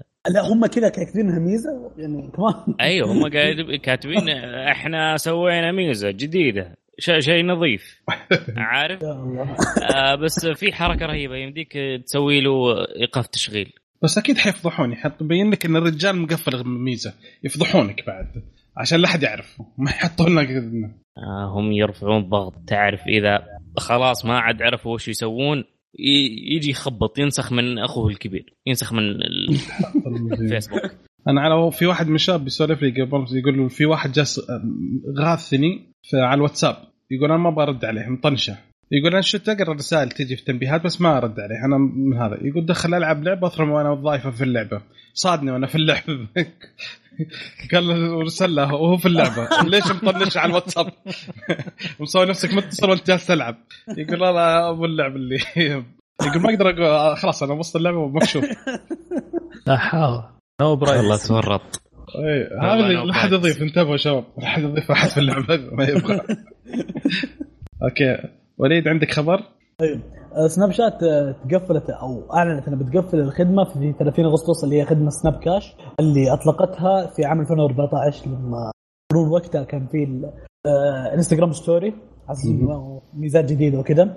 الخدمة هذا قالوا راح يقفلوها اللي هي الخدمة اللي مع مع شركة سكوير ما في أسباب واضحة بس في الأغلب إنه يعني في منافسين زي خدمة فينمو اللي باي آه ويقولوا برضو إنه في أسباب في ما أتوقع إنها أسباب حقيقية بس لأنه هم ما أعلنوا تقريبا بس هذه أسباب يعني متوقعة إنه استخدمت في يعني بطريقة خادشة للحياة أوف يعني حاطين فلوس تصير. مكشوفة يعني ولا؟ لا يعني بعرض لك خدمات آه، plus آه. 18 آه. okay give me money okay آه okay لا آه، بس ما أتوقع إنه. السبب يعني كبير يعني ما أتوقع إنه هذا السبب صدق إيش آه، السبب؟ أتوقع إنه ما عليها إقبال أيوه لأنه في منافسين. في هذيك حقت يعني أتوقع أكثر أمان حتى من سناب شات. من سناب شات مستحيل. أستعملها غير مور حقت باي بال لا لا حق. باي بال و... أي بلوك تشين وحاجات رهيبة تخليها وتروح لسناب شات المفضوح آه ترى برضو آه فيه شيء للتوضيح ما مستغرب ليش الخدمة هذه مو شغالة عندنا. ترى في السعودية آه المعدل الاستخدام اليومي للسناب شات عندنا double أو ضعف المعدل العالمي ترى. يا ساتر. في 9 ملايين حساب سناب شات نشط في السعودية. نشط. يوميا. يوميا. إح- شفت المعدل العالمي لاستخدام سناب شات؟ إحنا double. آه، يمكن وصل الرقم هذا يوم دخلت سناب أنا توني داخل جديد ترى. بدر تداخل أوكي هذه- دخلت سناب يا شباب أبشركم. استغلال المواقف يا بدر. بس أي ابشركم كذا دخلت- تضيفوني تضيفوني من, ورا الشاشة كذا. افهموها كذا من تحت التريلات من ورا التريلات للعلم والعلم نفس آه، رقم حساب التويتر يعني ما ما فيك بعيد يعني. بس يدو آخر شيء بس يعني. يعني سهل يعني. يا رجل جاء في عندي تنبيه ما أدري لي كم فترة لي أسبوع آخر شيء نظرت وثرة واحد يبغى يضيفني.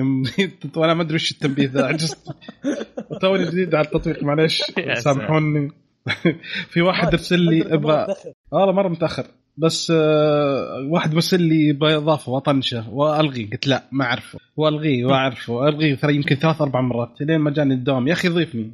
قلت يا أخي ما أدري انك يا أخي ضيفني يقول لي حرام عليك.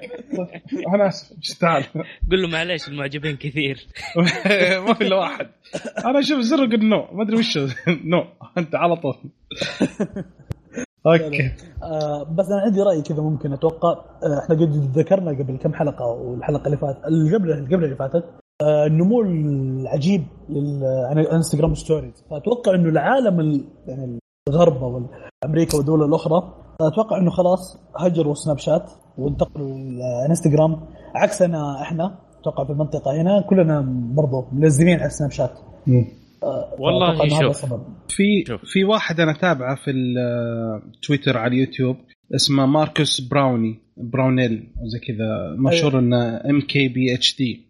هذا أي أي معروف هذا يقول كنت أنزل على سناب شات عدد المشاهدات تقريبا يوصل مئة ألف هو لما ينزل تغريدة مثلا تغريدة آه، ينزلها مثلا في على تويتر وزي كذا بعدد مهول يعني نتكلم عن آه، وش ينزل تغريده يقول أنا بنزل مقطع فيديو. تلقاه وصل ألف. أوكي؟ بس هو يقول بنزل. لسه ما نزل شيء. يجيه ألف تغريده وألف زي كذا.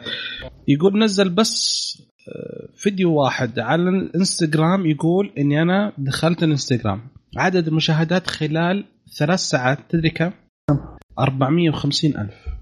أوه. الله. أوه. فتخيل يقول على سناب أنا أنزل تغ- محتوى كامل على سناب يشوفها مئة ألف في حين أن لما نزلت بس رسالة واحدة أول مرة نزلت على الانستغرام أول مرة نزل أربعة- 450 ألف مشاهدة يقول شوف الفرق الكبير فعشان كذا هو أعلن رسمي أنه حي يعني حينسحب شوي شوي من سناب. وحيروح الإنستغرام كذا على طول حدد شوف الرجال شوف أنا عندي. الإنستغرام الانستغرام. ترى إنك تحصل واحد وتضيفه أسهل بكثير من سناب شات. تمام؟ صحيح. آه ثانيا آه أكثر المؤثرين أو المستخدمين الناشطين على ال social media اللي عندهم حسابات تكون فعال في جميع الحسابات مثلا اللي ينزله في سناب شات تلقاه نفسه ينزله في ال story حق الانستغرام. الانستغرام برمجيتها أحسن أسلس ما يأكل بطارية مثل سناب شات. أي نعم. هذه نقطة.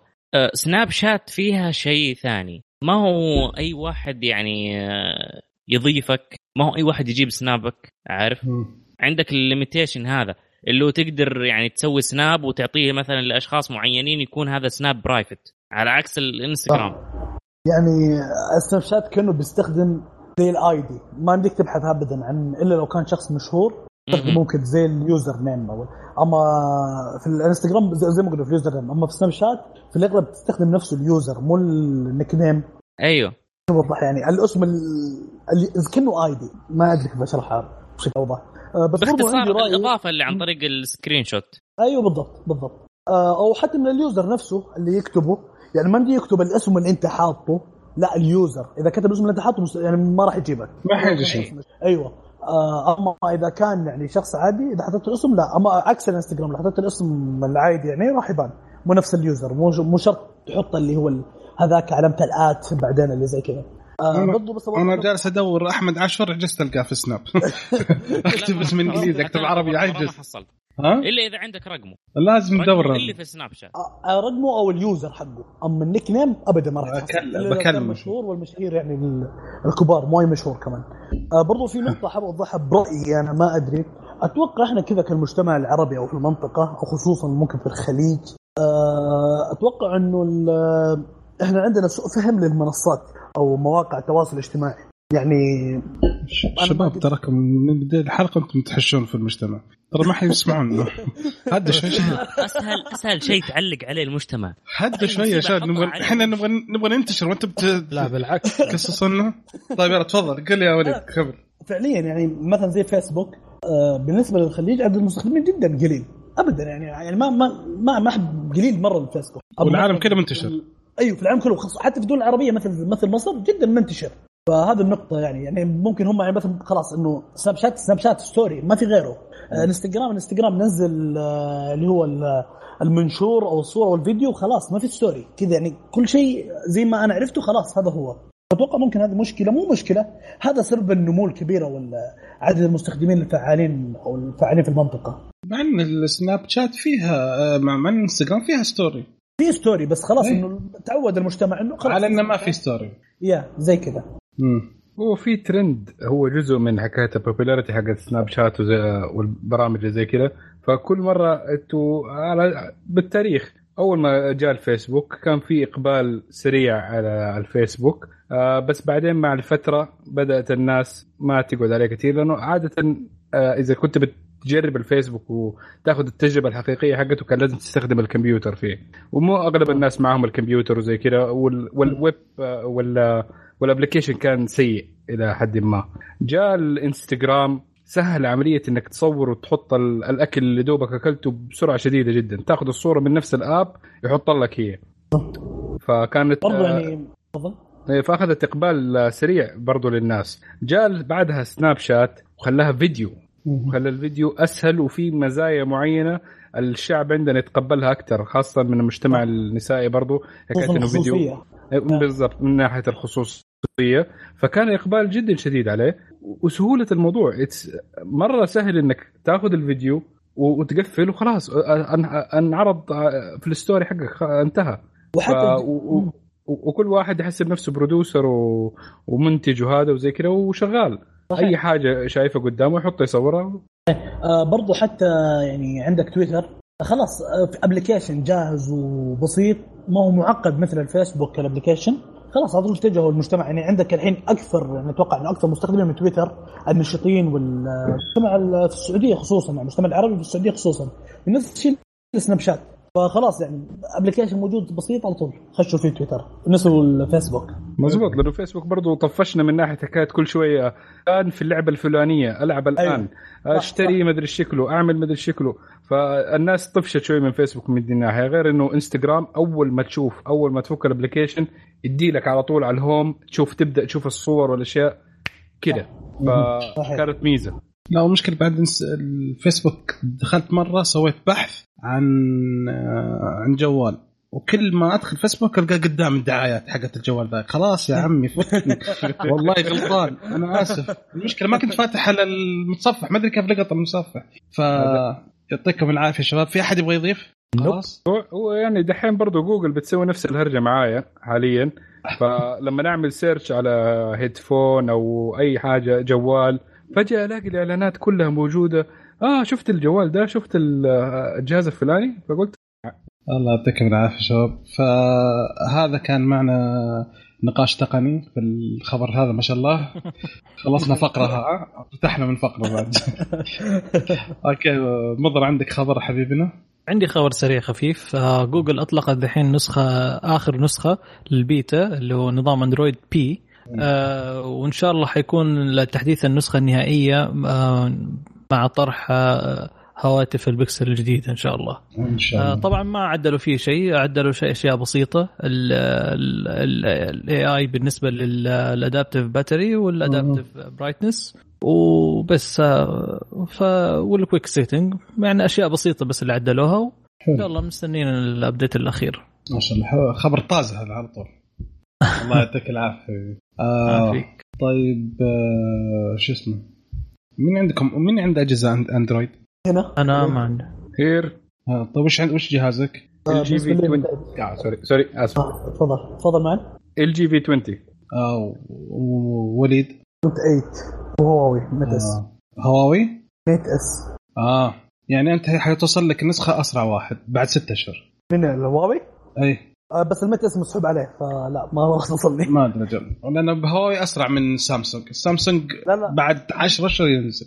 فما حنشوف النسخة هذه إلا بعد 10 اشهر من الحين نشوف لنا إياها أنا للأسف عندي سامسونج بعد فيعني نفس الشيء بدر إيه. كذا نزعل ما في لا. لا لا أنا صراحة. لا سامسونج اخر آخر شركة تنزل لا لا من تطلق. النسخ حقتها صح ولا لا؟ صح صح اتفق صح؟ لا لا والله مو سامسونج دقيقة آخر حاجة نزل آه، شو اسمه سامسونج لا تحكي لا لا لا مو سامسونج آه،؟ سوني لا ما أدري عن سوني. سوني ما هي تبيع الجوالات الحين سوني؟ لا خلاص. خلاص. اعتزلت. يا أخي منزلين جوال حقهم ال- شو اسمه؟ أعلن عن جوال. ال XZ2 Premium مواصفاته. مواصفاته مواصفاته بسعر يبدأ بسعر 1000 دولار. يا عم اهدى مين يبغى يشتري ب 1000 دولار اهدى سوني لا عقل. اشتري لا شو مين مو مين بيشتري مين بيشتري من سوني؟ مرة الرجال متحمس. ما علينا. حبيبي معن. معاك. تعطينا كذا خبر كذا ننهي فقرة الأخبار فيها طال عمرك. خبر حار. أنا أنا ما أدري قلبي حاس كذا ان آخر مرة اسجل معنا. ما أدري ليش. بعد الضحكة هذه حاس كذا ما أدري ليش. تفضل حبيبي تفضل. هو خبر حار سخن جدا يعني. زي ما يقولوا. عن ال- ال Apple MacBook Pro. أبغى اصفق يا معن ممكن تسمح لي؟ تفضل. كم؟ فالجهاز زي ما كلنا عارفين الجهاز ال MacBook Pro من أهم الأجهزة الموجودة عند أبل وأقوى جهاز نزلوه حاليا. آه، الحلقة الماضية 2014. تكلمنا عن الحلقة الماضية تكلمنا إن نزل تحديث له. الاي الكور آي 9 و- والستة كور. شو اسمه؟ إيه تفضل حبيبي.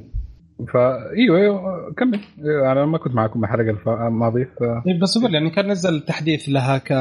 حدثوا كل الأجهزة آه، استخدموا الجيل الجديد من إنتل واستخدموا ال- آه، ستة أنوية بدل ما كانت الأن- أربع أنوية فكل ال i7 وال i9 وال i5 كلها صارت آه، ستة أنوية. جميل.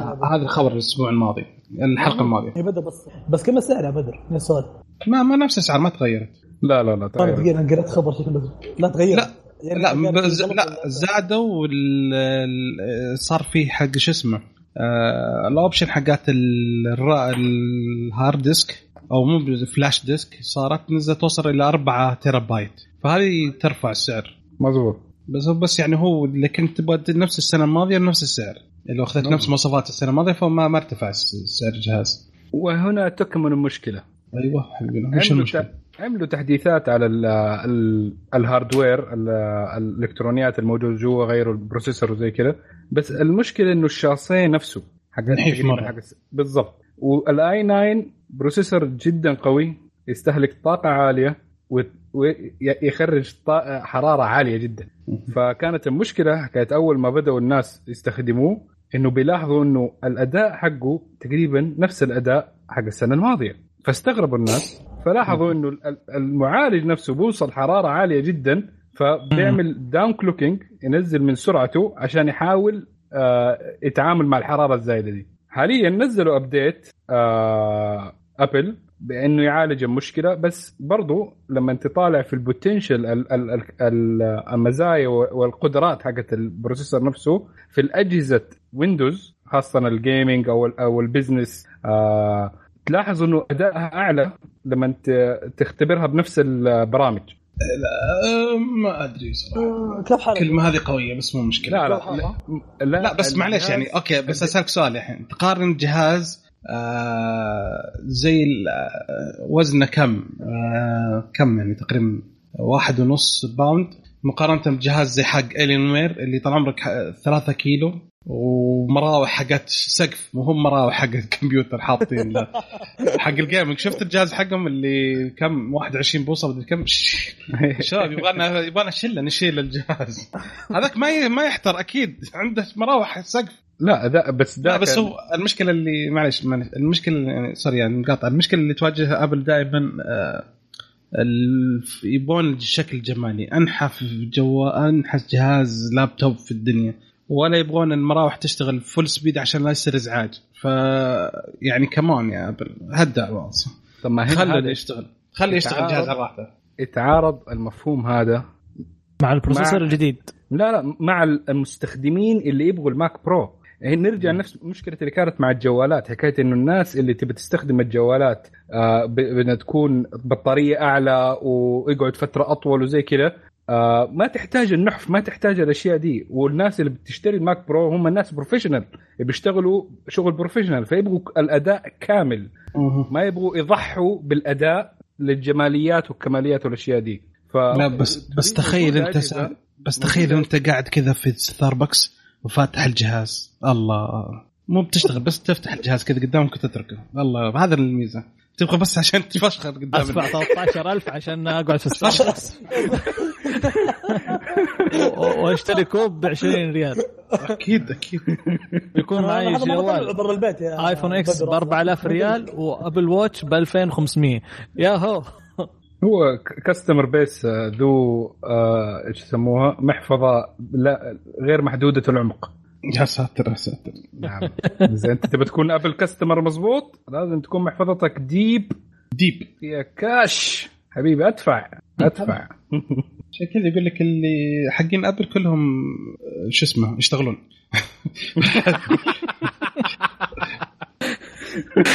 ولا في في لقطة جابوها مرة ضحكت عليها مرة. جايبين لقطة الأم معها iPhone والولد معه iPod والبنت معها iPad والابو ماسك ورقة يقول I paid يعني أنا دفعت. بس هو منكر هذه مرة. إن شاء الله ما كنت. قلتها من قبل بس. هذه في الصميم هذه. الله يعطيك العافية. آه في أحد يا شباب يقول عن شيء؟ آه تكمل خبرك آه، معا.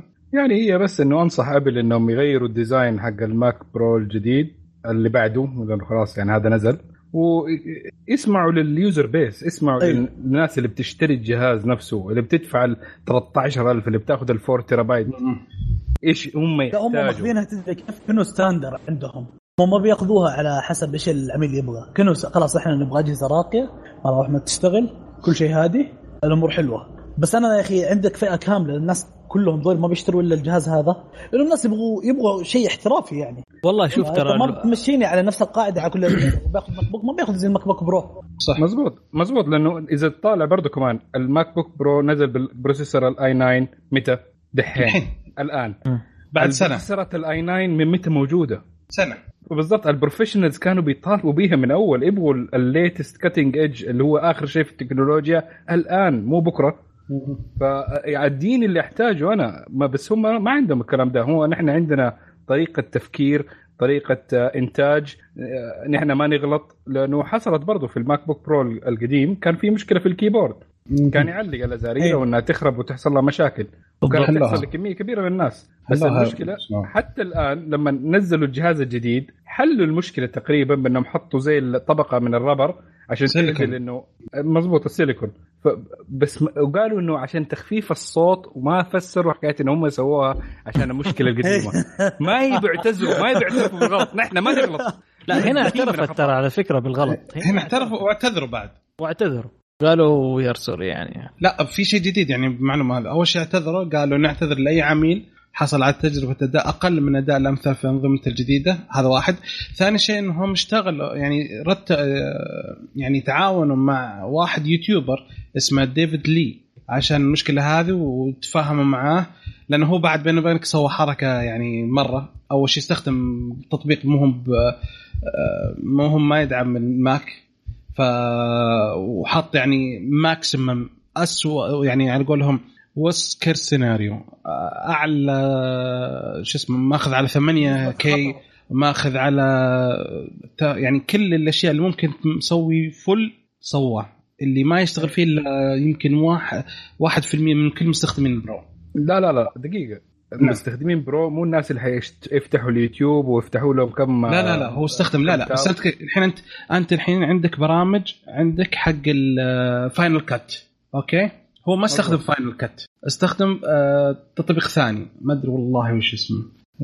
الله يلعن بيس. المهم فيعني هو سوى أشياء ما هي باللي يعني المستخدم حق ال MacBook Pro دقيقة. دقيقة دقيقة. أنت بالدحين بتسوي زي اللي سواه ستيف جوبز أيام ال iPhone لما قال للناس أنتم بتمسكوا ال iPhone غلط. لا لا لا لا لا, لا. آه اسمع اسمع اسمع اسمع اسمع اسمع. لا ما بتستخدم اللابتوب بالطريقة. نحن معا معا. اسمعني حبيبي. أنا أتكلم عن برنامجين. واحد اسمه Final Cut وواحد اسمه أعتقد Premiere أو زي كذا. قاعد أدور عنه. كل اللي يستخدمون ال Mac يعرفون إنه اللي يستخدم يستخدم من Final Cut أسرع وأقوى من ال Premiere فهمت؟ okay. لأنه Premiere Premiere كل المستخدمين يقولون إنه ال Final Cut optimized على ال Mac افضل بكثير من Premiere وكلهم يستخدمونه. يعطيك فرق كبير. في الأجهزة القديمة كان يعطيك فرق تقريبا حول ال 40% يعني إذا أنت تسوي شيء خلال 100 دقيقة هذاك يسوي لك خلال 60 دقيقة. فهمت؟ ففيك فرق كبير. فالرجال يوم جاي يستخدم استخدم ال Premiere ما استخدم ال Final Cut. واستخدم ال 8 آه شو اسمه الدقة حقت الشاشة 8K مو ب 4K 8K واستخدم أشياء ثانية. يعني محمل الجهاز في highest potential يعني مو بكل واحد حيستخدم حتى المستخدمين ال ال ال pro ما ما يستخدمونه بالعادة. أوكي؟ ولكن يعني هو بس إنه هو الرجال عشان كذا أبل استعانت فيه قالوا تعال أنت ما دام سويت تجربة زي كذا تعال خلينا نتفاهم وتعال. فهذا شيء جديد حلو من أبل إنها سمعت للناس وعلى طول حلت المشكلة. وتعاملت مع المستخدمين أو ال YouTuber اللي اللي أول ما تكلم وسوى التجربة وهذه فهذا مرة شيء حلو صح ولا لا؟ أوكي إن شاء الله الف... إن شاء الله الترند ال Final Cut ب... برنامج موجود فقط على ابل صح؟ اي والثاني موجود برضو على ويندوز اي ال Premiere أيوه فلو تبى تفضل إنك تقارن ممكن الابل بالويندوز مين تفضل تستخدم Final Cut اللي ما له مثيل في الويندوز ولا اللي له يمديك تقدر تقارن به؟ أنا أقول لك الحين هم حق إي بس أنت في برنامج مصمم ومجهز و optimized يتعامل مع الجهاز الماك أفضل من أي برنامج ثاني. ليش أروح أتركه وأخذ برنامج ثاني زي ال Premiere؟ ما يعجبني. على راحتك أنا أقول لك أوكي. بس المستخدمين الحين أقول لك كل المستخدمين. أوكي. أدخل اس... شوف أي أدخل على اليوتيوب وشوف مقارنة بين ال Final Cut وبين ال Premiere وشوف. تلقى كل المستخدمين يقولون ال Final Cut أفضل. شوف شوف في بعض الناس كذا وفي بعض الناس لو تلاحظ حتى أنا شفت في اليوتيوب إنه إيش هذا أفضل وهذا أفضل. ترى هذا أنا لاحظت إنه شيء شيء شخصي أو شيء هو اللي يرتاح عليه أو هو الشخص اللي يشوف إنه هذا الشيء كويس تروح استديوهات كبيرة قوية ترى في ناس يستخدموا Premiere وفي ناس يستخدم يعني في ناس يستخدموا منتجات أدوبي وفي ناس يستخدموا منتجات أبل. حلو. كات بس أقول لك.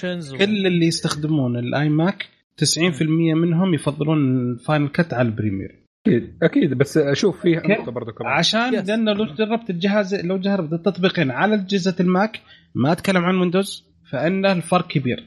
طيب اذا إذا أنت عندك يا بدر. إيه بالضبط. إذا انت إذا عندك مشكلة في إنه حكاية إنه عادة شركات الإنتاج حقت التصوير السينمائي وزي كذا لما يشتغلوا على مشروع كلهم يستخدموا نفس البرنامج. فإذا استخدموا Final Cut حيستخدموا كلهم أجهزة ابل بس الشركات اللي تدعم ادوبي آه حيكون الناس ممكن يستخدموا الويندوز أو الأبل ف... ففي ممكن مرات تضطر إنك تستخدم آه البرنامج ده عشان الشركة تحتاج آه إنك تكون بتكون على نفس البرنامج اللي كل الناس بتشتغل عليه. أوكي. برضه يا بدر لما تقول إنه أغلب المستخدمين يعني يفضلوا الف- الفان كات يعني ممكن لأنه مجبور يعني ما عنده كنا. نتكلم لا مين. مجبور؟ ليش مجبور يا حبيبي؟ انت عندك. موجود الجهاز، التطبيقين موجودين على الجهاز، ما قلنا مو. مجبور، ما بقول لك ما في ما يشتغل، بدر صح ممكن لا؟ ها؟ أنا عاوز. استفزك والله لا لا بس لا لا لا مو بس. استفزاز يعني أنا مو بقصدي لهذا بقول لك يعني تطبيقين موجودين على الجهاز والخيار مو موجود ما أقول لك مثلا مو موجود على الجهاز الثاني الواحد لازم لا ما أقول لك تطبيقين موجودين على الجهاز عموماً خلينا إحنا. كنا بنتكلم على. ال CPU. ما أعتقد رحنا مع الثاني رحنا التطبيقات. طيب أوكي في إضافة على الخبر يا شباب؟ خلاص أعتقد تكلمنا فيه بشكل كذا خل... أوكي كذا خلصنا فقرة الأخبار. ننتقل الحين إلى فقرة جديدة اللي هي آه، فقرة تسريبات هذا بناء على الشباب ما شاء الله مجموعة كبيرة يطلبون فحطيناها. كل فترة فترة حنجيب الفقرة هذه على حسب كمية الأخبار وزي كذا. آه، إذا تسمحون أقدر أبدأ أول خبر أنا معليش؟ أو مجموعه. أخرى في نزلت كمية تسريبات السامسونج بشكل غير طبيعي. أول شيء نزل تسريب صورة النوت 9 وواضح من الصورة إنه يشبه النوت 8 بس القلم كان الجهاز أزرق وقلم أصفر. وبعدها فترة نزلت صور. فكان في لون أسود في لون نحاسي وفي لون اعتقد زي ال... مش يسمونه؟ ما هو فوشي أو زي كذا بنفسجي. كل الأجهزة ولون أزرق. كل الأجهزة القلم نفس لون الجهاز إلا الأزرق. القلم أصفر. ما أدري ليش يعني متفقين مع النصر ولا شيء ما أدري صراحة. غريب ال- combination هذه. أوكي. وبعد كذا نزل بعد تسريب ثاني إن آه، في wireless charger نزلوه اسمه Wireless Charger Duo. طلعت صورته. ال wireless charger هذا حيشحن جوال ويشحن ساعة.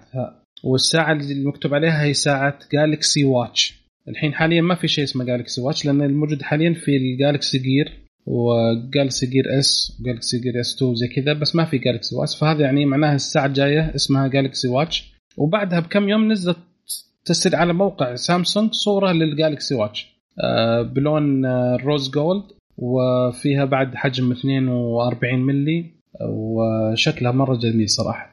وآخر تسريب أعتقد كان مش آخر تسريب صار على ال dock على ال dock اللي هو الديو قلنا عنه مم. وخلاص آه، برضو. في حاجة حاب اثني عليها آه. البطارية اي. البطارية حقت النوت اي النوت حتكون أعتقد 4000 يعني أعلى من الحالي الحالي أعتقد 3500 صح؟ ولا آه. حقين ال Note يا راعي ال Note ما حد عندنا ال Note. آه، بطارية ال Note 8 آه، 3000 ملي امبير أقل من آه، بطارية ال Note 7 اللي كانت 3200 صغروها لأسباب آه، معروفة. أمنية. آه، هذا. قلت أيوة،. على حاجة. القلم. القلم آه ليت قومي قومي يعلمون. في ناس ما أدري مقارنة عادلة ولا كيفية دي بس بحب أقولها يعني. وش؟ بالنسبة للقلم لما يشحن يعني. وصلت ولا لسه حبايبي؟ إيه؟ هو في إمكانية إن الكلام انه حيكون القلم فيه آه، بلوتوث عشان أيوة. يصير أكثر دقة وأسرع وزي كذا معناه إنه لازم يشحن بعد وبرضه يمديك تتحكم يعني بالقلم من الزر الموجود في القلم في أشياء بدك تتحكم فيها آه وبيشحن من نفس الجهاز مه. ما بيحتاج إنك يعني تفصل الشاحن من جهازك وتحطه مكان الشاحن والله في بعض. الناس فيا أوكي هذا التسريبات حقت سامسونج مين عنده الخبر الثاني؟ آه أنا. آه. في عندك آه في آيفون. آه وفي تسريب طبعا إنه يقول لك الآيفون اللي هو 6.1 أو الشاشة اللي هي تحمل آه شاشة LCD أو ال LED عفوا. ال 6.1 ممكن يتأخر طرحه أو ممكن يتأخر بيعه إلى آه، الشهر اللي, اللي بعده. آه، طبعا كلنا عارفين إنه غالبا آه، الآيفون يعلن يتم إعلانه في آه، سبتمبر. آه، ف بالنسبة لل وقالوا حيعلنوا على ستة أو ثلاث ثلاثة سايز للشاشة أحجام. هي الخمس هي ثلاث أحجام اللي هي 5.8 و6.5 و6.1 فغالبا دحين حسب التسريبات يقول لك ال 6.1 لأنه صار في مشكلة في التصنيع في. بالنسبة لل سي دي فيها ليك آه، يسموها backlight leakage أو مهم. تسريب ال- التسريب الضوئي في نفس الشاشة في الأطراف. آه، بينما ال 5.8 و 6.5 كلها OLED فما عندهم أي مشكلة فغالبا ما حيصير فيها تأخير. ولكن هذا حيصير فيها التاخير ممكن لستة أسابيع بعد الطرح الرسمي له. هو حيكون عموما حيكون هو الأرخص من بين الأجهزة. ارخص نعم. نعم. أوكي. مع استنى. إنه لاحظ الشاشة حقته جاي في النص. أصلا لو تلاحظ ال bezels حق الشاشة مهم. أو ال screen نفسه ال bezels حقه أك- شوية يمكن عشان يحاولون يقفلون على شو اسمه التسريب هذا اللي يقول. ممكن ما أدري. لأنه هو مستخدم شيء ثاني مختلف يعني. عن مم. بس آه، يكون- يقول في احتمال بعد إن ال- بالنسبة للألوان. آه بالنسبة للألوان آه ما عندي خبر فيه بصراحة. لكن آه غالبا بالنسبة للسعر ممكن يشطح فوق ال 1000 1000 دولار. من 900 إلى اللي هو 6.5 ممكن يكون من 900 إلى 1000 دولار. يا أخي أنا ما أحب الأسعار هذه يا أخي ما شو اسمه ال سي دي حيكون تقريبا 600 دولار. يعني إيه. قال هذا الفئة المتوسطة 600 دولار. 600 دولار أنا شايفه لسه اوفر يا أخي. لاحظ هذا الفئة المتوسطة يعني. لا تدري فئة متوسطة لا إله إلا الله. الفئة المتوسطة 600 دولار بس. هم يعرفوا الفئة المتوسطة؟ 600 هذا هو خلاص. لا إله إلا الله 600 دولار الفئة المتوسطة. يا الله. لا يقول لك تبي؟ ما تبي؟ إيش تسوي؟ حتى المشكلة شالوا ال- يمكن ما يعلنون عن الآيفون SE 2 يا شيخ. أنا كنت مرة متحمس له. اللي نفس حجم الايفون 5 اي اي والله كنت مرة متحمس صراحة. يا أخي كان طلعت أول عليه اشاعات كثيرة بس الظاهر إنه شكلهم ذبحوا. قال خلاص عندكم أيوة. عندكم أبو 6.1 ذا المتوسط 600 600 خذوه. مرة بلاش. هذا بلاش. هذا ما اعرف مين بياخذ جوال ثاني يعني للأمانة 600 دولار جوال ثاني. هذا جوال أساسي. السؤال أساسي. لو خ... و6.1 كيف الجوال الثاني 6.1 ما مصيبة. لا هم يعني المفروض إنه ترتيب زي كذا جوال ثاني بس ما في جوال ثاني الموضوع. آه طيب. في الاشاعه بعد يقول لك إن ال- الآيفون ال 5.8 وال 6.5 ال OLED حيجون باللون أبيض وأسود. أما الآيفون اللي 6.1 بشاشة LCD حيجي بألوان أبيض وأسود و- وأصفر وبرتقالي وأزرق. في واحد قال يمكن أحمر. يجي. إي في واحد يقول يمكن زي ما نزلوا الآيفون C نزلوا الأزرق وأصفر وأبيض وأخضر اللي الآيفون سي؟ أيوة. عليه. ولا الايبود touch لا آيفون سي. آيفون سي اللي هو نفس ال five اي بس إي، حطوا إي، ظهره بس بلاستيك. سموه آيفون C. وبعدها نزلوا واحد اللي آيفون SE ال five هذا ترى اشتغل ف- شب- مجموع كملوا فيه شيخ. نزل يمكن ثلاث أجهزة منه. الآيفون C اللي هو اللي تلون صح؟ اللي صديق اللي ظهره بلاستيك وملوني أيوه أيوه. بس هذا مرة ما ما ما باع. مرة ما باع. سعر بعد كمان هذا في أخبار ثانية شباب؟ حاليا. هذه التسريبات اللي موجوده حاليا. كذا خلصت؟ تسريبات في تسريبات عادية ما هو. مثل إيش؟ آه والله ما يحضرني لكن آه زي مثلا آه في ال- إنه حينزل آه ممكن ينزل تسريب فيديو 360 درجة في إكسبيريا. شايف كيف؟ يعني هو في ساعات في ساعة بال- إنه سامسونج سربت ساعة جالكسي بالغلط. اللي watch آه. جالكسي watch أيوه عفوا sorry الجالكسي watch هذه ما بس هذه. الساعة. إلا. الساعة مرة حلوة يا أخي. مرة مرة مرة مرة حلوة. آه بس اللون يعني نسائي ما في ولا اللي طلع تسريب لون واحد هو النسائي ولا؟ لا لا أكيد في ألوان ما دام كاتبين rose gold أكيد ألوان- عنهم اي أتوقع في ألوان ثانية حتى ممكن style ثاني يعني rubber أو steel. أو جلد زي كذا أتوقع. بس مرة مرة مرة حلوة الساعة. مرة. زي حقت واوي. هذيك مرة حلوة كانت. في في تسريبات بس مو تسريبات آه، يعني كخبر آه، قادم.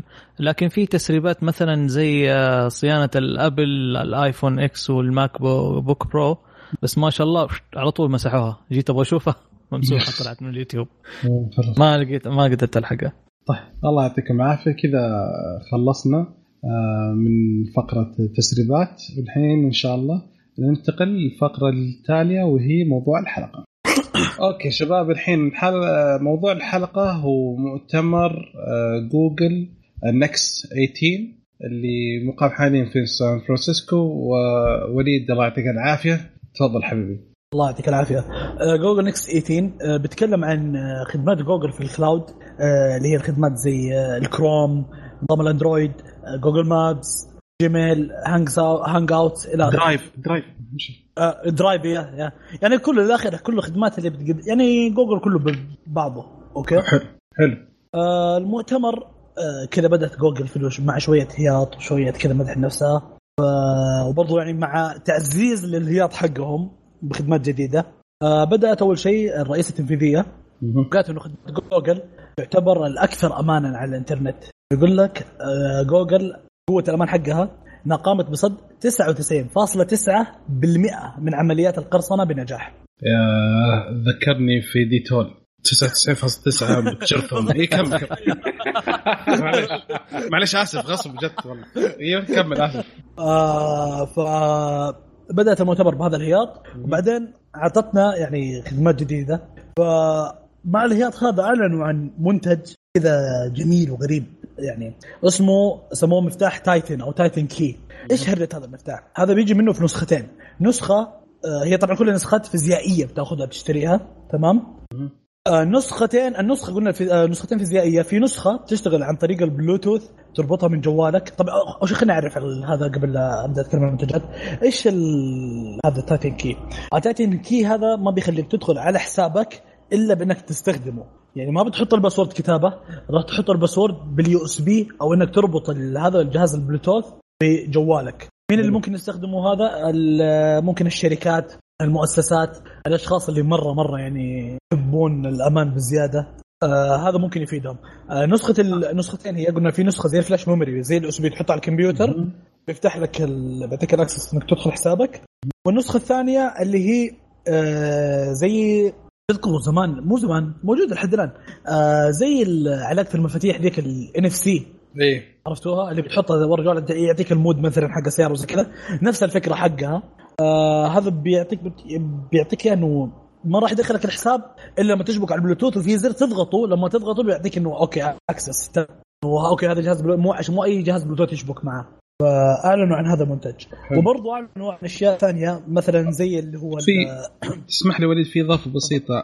في خبر قريته أن كل موظفين جوجل يستخدمون ال physical key عشان يدخلون على حساباتهم في الشركة من السنة الماضية.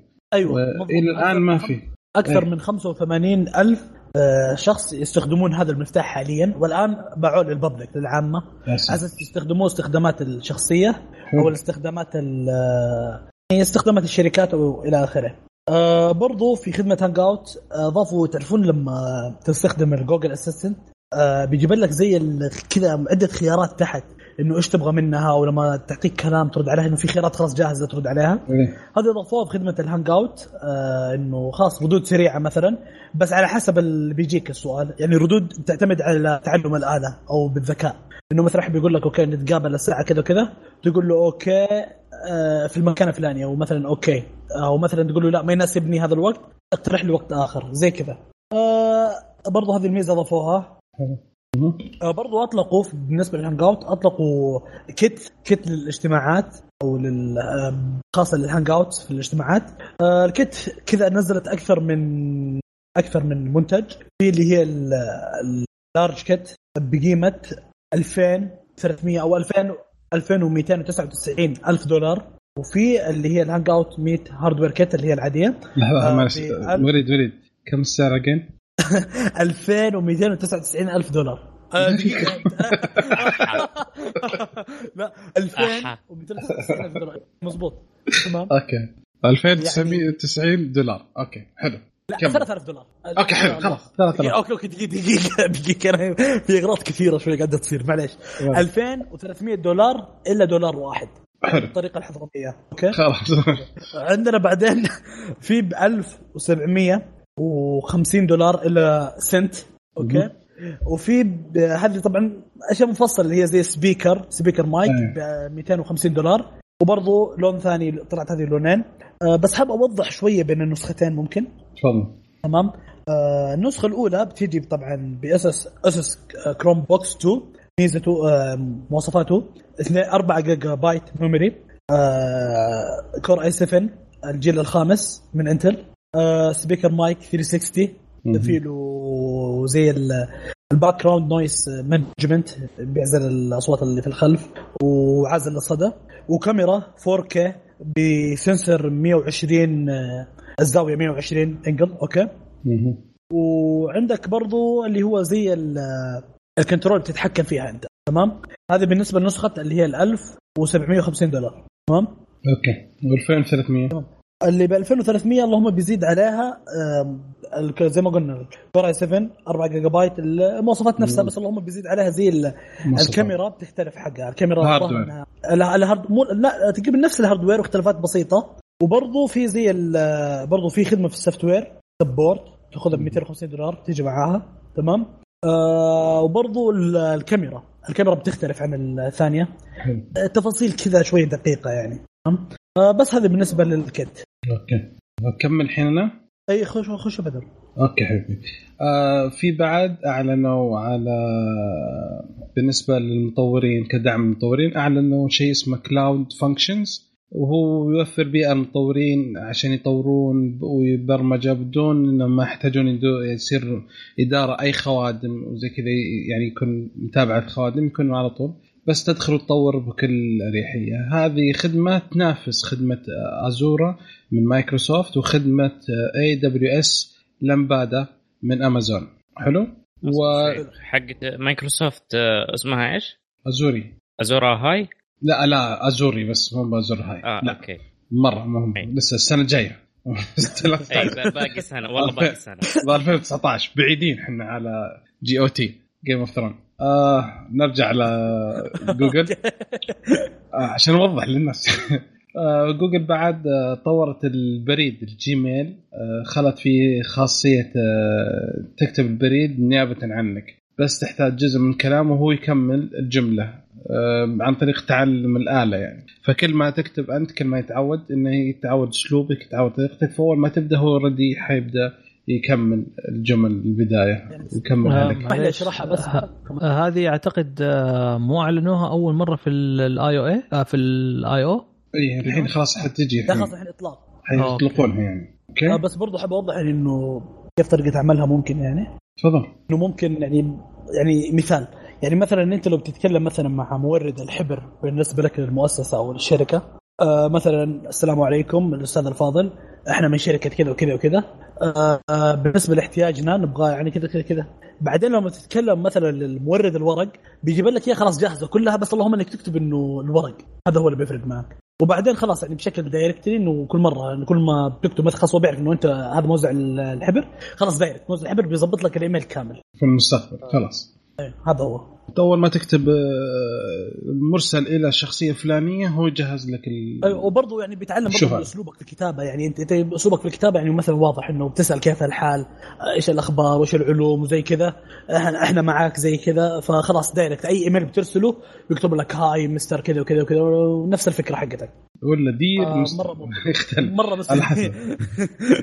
فبيكون مرة مريح no privacy في الموضوع هذا صار بالضبط حكاية والله. ال risks حقت المعلومات ال leaking والهذا جدا كبير في الموضوع ده آه، ما في خلاص أنت تبغى رزق اكتب بيدك انتهى الموضوع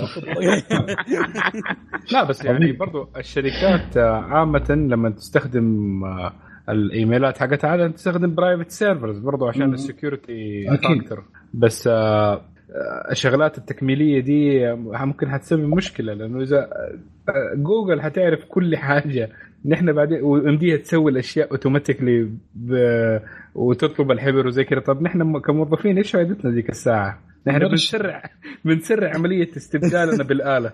اي هذا هو. هم حي خلاص شوي شوي شوف إذا وصلت لمرحلة إنه ما تحتاج أصلا كل الأنظمة هي اللي تعلمك.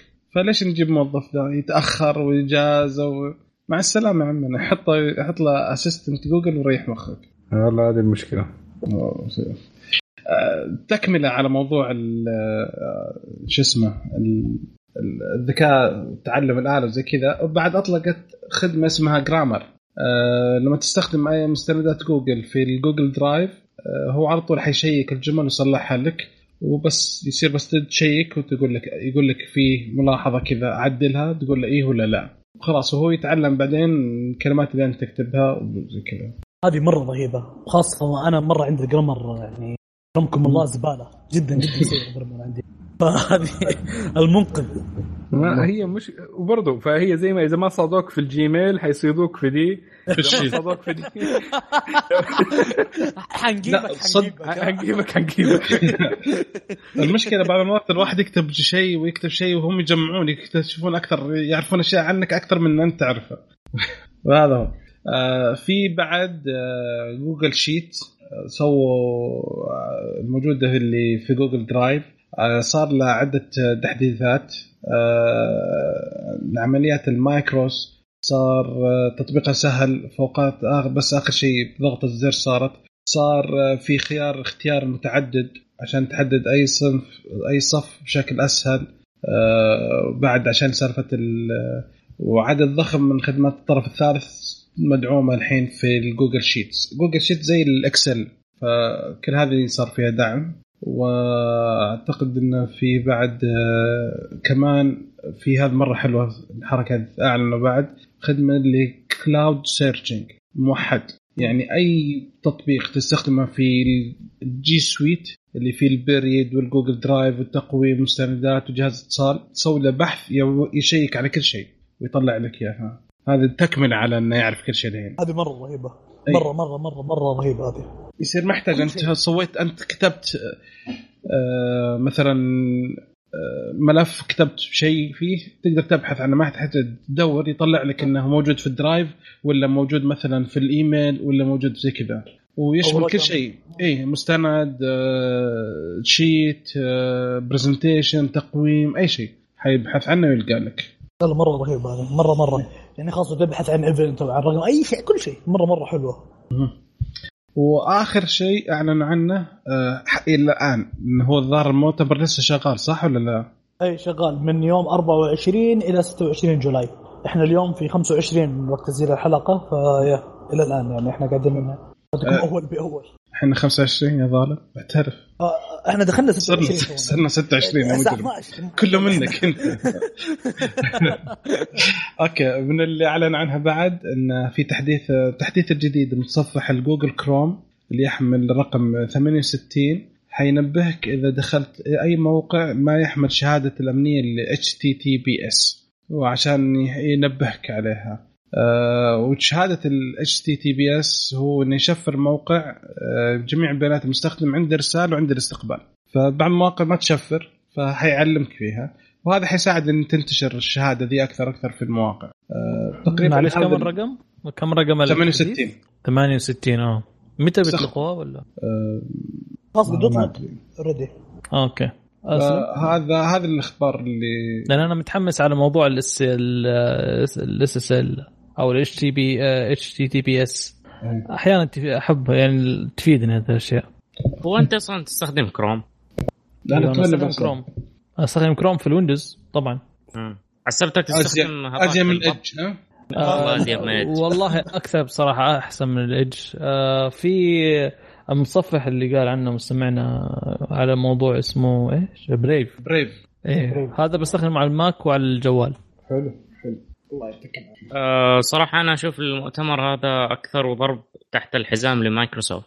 كيف؟ أه شغل أكثر لمايكروسوفت. منافسة المحررات أيوه أي. منافسه لمايكروسوفت حق ال Word أه بس مايكروسوفت ترى صراحة الش- الشراكات اللي معاها مع الجامعات مرة قوية.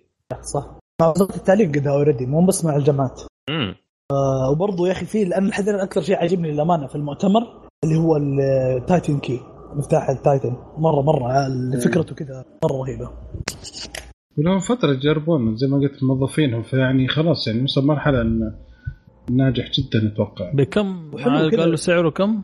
آه لا ولا اعلنوا متى بيطلق ولا شيء بس اعلنوا إنه okay إحنا هذا راح نعطيه المستخدمين وأعطوا الفكرتين النسختين نسخة بلوتوث ونسخة آه USB طيب والله يبغى لنا واحد. سؤال على السريع. تفضل. إيش تسوي لو ضاع؟ أيوه هذا لحد الان ما اعلنوا عنه. أنا برضه هذا كان السؤال والله في بالي. كنت بقول إيش تسوي لو ضاع؟ تروح تعتمر. تمام؟ وتحج. تعتمر وتحج الين ربك يفرجها. ممكن آه، يضيفوا صيغ آه، إضافة اللي هي find my key مثلا زي Find My iPhone أو حاجة زي كذا. أنا أتوقع؟ أو أتوقع- يسووا change لحظة آه، أو في برنامج عندهم في نفس جوجل اسمه اثر authorize أعتقد أو حاجة زي كذا.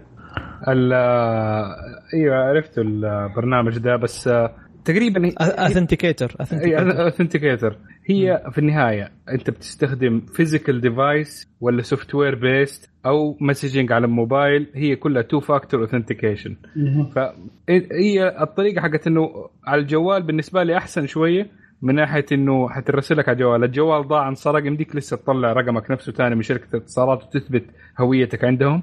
ويرسل لك ترسل لك رسالة ثانية ويمديك تخش على البرنامج الجهاز whatever ال authenticator نفس الموضوع هو حكاية إنه في كود ب algorithm معين بمعادلة حتتطابق بينك وبين الجهاز الثاني أو السيرفر. فيكون مثلا إذا طالع عندك الرقم 6571 مثلا حيطلع هناك عندهم 6571 والرقم يتغير كل 60 ثانية. فبرضه حاجة جيدة. ويمديك آه، تنزله على أكثر من حاجة آه، فما ما في خوف إنه يضيع. بس المفتاح مشكلته إنه يضيع. يعني لو إنه أنت تشتغل في شغلة حكومية آه، في مجال عسكري ممكن إيوه ال physical key يزيد من الموضوع الأمان والأشياء دي. بس غير كده لل- للشخص العادي أو الشخص هذا لا لا الشخص العادي ما ما حد حياخذه شخص عادي. أتوقع إنه موجه دائما يعني للمؤسسات للشركات للمؤسسات الحكومية. بالاغلب إنه زي كذا يعني. اي بس ليش أخلي جوجل تسوي لي الشيء ده غير لما أنا أسويه بنفسي؟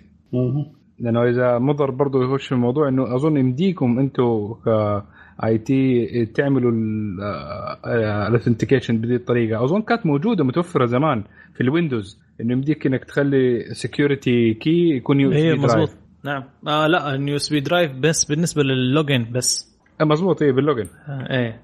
لكن آه، الجهاز نفسه ولا للحساب؟ لا ال login الجهاز بس. آه أيوه. ما بدك. تعملها ال account حق جوجل يعني. لا لا لكن في في في ال authenticator software بس مو physical يعني. ال- موجودة في الويندوز إذا تبغى authenticator خاصة في الويندوز وفي في جوجل وفي أتذكر آه، أعتقد ابل مسوي authenticator أعتقد. عفوا لا 1Password بس هذه من أول. لا قاعد أفكر في كلمه authenticator لا اللي هو يعطيك ال access عن طريقه يعني ما تقدر تدخل إلا عن طريق البرنامج هذا. عرفت؟ اللي هو يعطيك ال password اللي هو بدل ما يرسل لك آه، زي البنوك يعطيك آه، آه، ستة أرقام تدخلها. هذا نفس الشيء كل ما تدخل الإيميل يعطيك آه، ستة أرقام كل 30 ثانية تتحدث. إيه. عرفت؟ هذه ميزة ال authenticator إيش ميزة حقت جوجل؟ إنه كل ما أدخل البريد حقي يطلب لي آه، يطلب الست أرقام. فأنا أدخل ال authenticator طبعا ألاقي السناب شات ألاقي الجيميل ألاقي التويتر. كل هذا أنا حاططها authenticator كل ما أدخل تويتر أو كل ما أدخل جيميل أو سناب شات يطلب لي هذه الست أرقام. عرفت؟ بس هذه الميزة. طبعا جو- مايكروسوفت مسوية نفس الحركة. كل 30 ثانية على كل آه، آه، كل أي application تبغاه. تمام. الله يعطيكم العافية شباب. آه في أي إضافة من عن عن المؤتمر شباب؟ هو حاليا إلى ما انتهى المؤتمر. يمكن إذا كان في أي شيء خبر يعني قوي أو زي كذا يمكن نذكره في الحلقة الجاية إن شاء الله. أوكي؟ إن شاء الله. يعطيكم العافية. الحين آه ننتقل للفقره الأخيرة آه وهي فقرة اسأل كشكول تقنيه الحلقة الماضية كان ما في أسئلة ما شاء الله الحلقة هذه ممتازة في كمية حلوة. آه أول آه تغريدة آه ممدوح العنزي يقول مساء الخير لو تكرمتوا وشوفوا حل جودة الصوت عندكم سيئة جدا خصوصا بعض الأعضاء. إن شاء الله حللناها وأعتقد إن شاء الله شوف الحلقة هذه تسمع وتشوف تعطينا رأيك. في الأخ حاتم الجهني يقول هذا مو سؤال أكثر من أنه شكر وتوضيح لشخص قال في الأسئلة الحلقة 153 تقنية أن النظام الحالي مو كويس. وهذا الشيء على العكس تماما صرنا نسمع الحلوين يوميا بالأسبوع. الله يخليك. أفضل من أن ننتظر 15 يوم نسمع عشان نسمع أصواتهم. كمان يمديك تختار إيش تبي تسمع. فألف شكر لك. الله يعطيك العافية أخوي حاتم. آه في تغريدة معاذ العريفي اللي يقول في سلك يجي مع السماعات زي ال AUX بس إنه ينقل صوت للمايك والصوت. أبي أشتري واحد بس ما أدري كيف أفرق بينه وبين ال AUX. يلا من عندك؟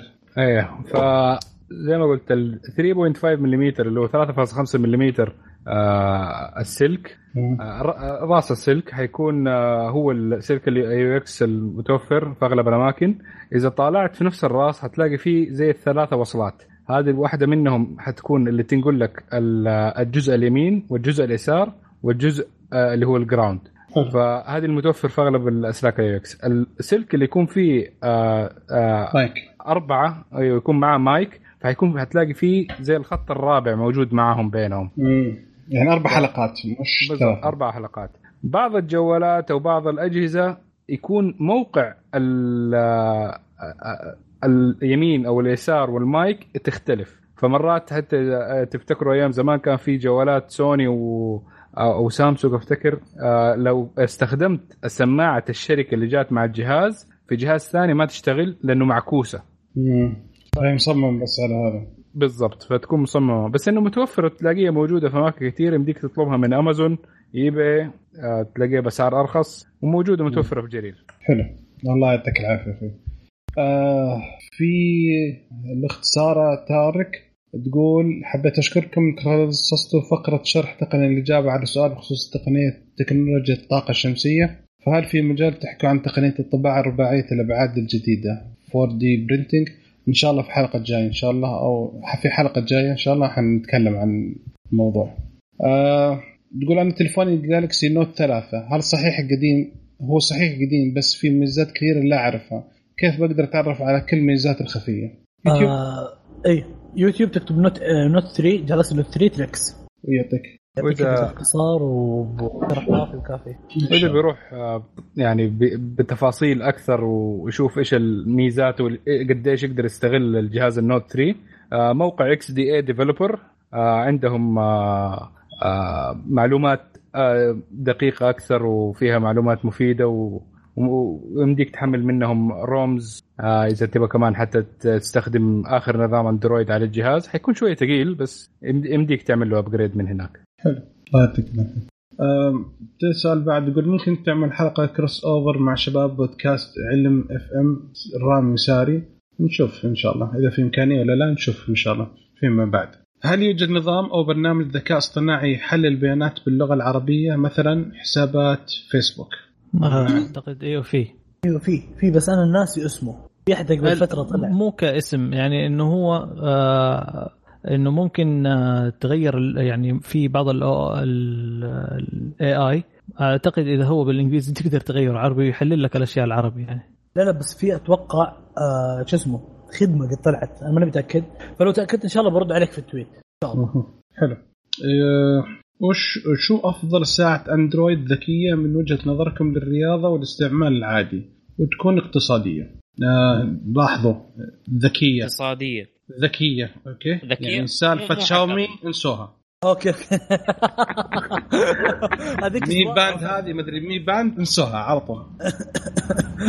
ذكي smart watch إذا إذا يبغى يعني- ليها إذا يبغى فيها face اللي يكون يعني شاشة و إي ذكية أوكي. معناها إنها. face فيها. آه أوكي. أنا أشوف ال Fitbit آه، خيار ممتاز. آه، بس ما هي آه، غالية. شوي. غالية شوي. ما هو ب- آه، اقتصادي قديش؟ لأنه في برضه لو قارناها بالأبل واتش ففي فرق. هم ما ما ما له دخل بالواتش أندرويد. آه، هواوي. هواوي. لا واو زي ما قال هواوي عندهم آه، ساعات آه، ذكية رخيصة ممتازة. وبس دقيقة حق واوي دقيقة بوضح ترى فخمة. ما هي رياضية. في أنواع رياضية في أنواع في في في؟ أنواع كذا وفي أنواع كذا. بس أغلبها تدعم آه، الرياضة أو التعقب الرياضي. والله زي أنا شوف أنا أرجح دائما قول مو أرجح دائما الحين أفضل القول معا ال Fitbit مع انها ما هي نظام أندرويد بس إنها هي يعني هي الأفضل حاليا رياضيا طبعا أنا في- لازم أوضح إنه عندي bias في الموضوع لأني اشتريت واحدة وجاية من امازون عشان كذا لا في مثلا يعني أوكي في مثلا ساعة Galaxy Gear S2 هذه سعرها تقريبا 900 هي تقريبا ارخص ساعة ذكية اندرويد ال Fitbit Versa ب 200 دولار. طيب ال Fitbit Surge 900 نفس الشيء. ففي أسعار يعني. لا لا في في- مع إنه مو بأندرويد يعني خيارات أفضل ترى يعني خيارات أكثر. صح ولا لا؟ لا مشكله نظام- نظام ال Fitbit ترى تعتمد على النظام Fitbit حقها أيوه أيوه ما هو نظام أندرويد مزبوط آه، فتبت ما هو أندرويد؟ لا لا مو. أندرويد. نظام حقها نظام. فتبت فت آي إس. أوه أوكي. أي. معلومة جديدة.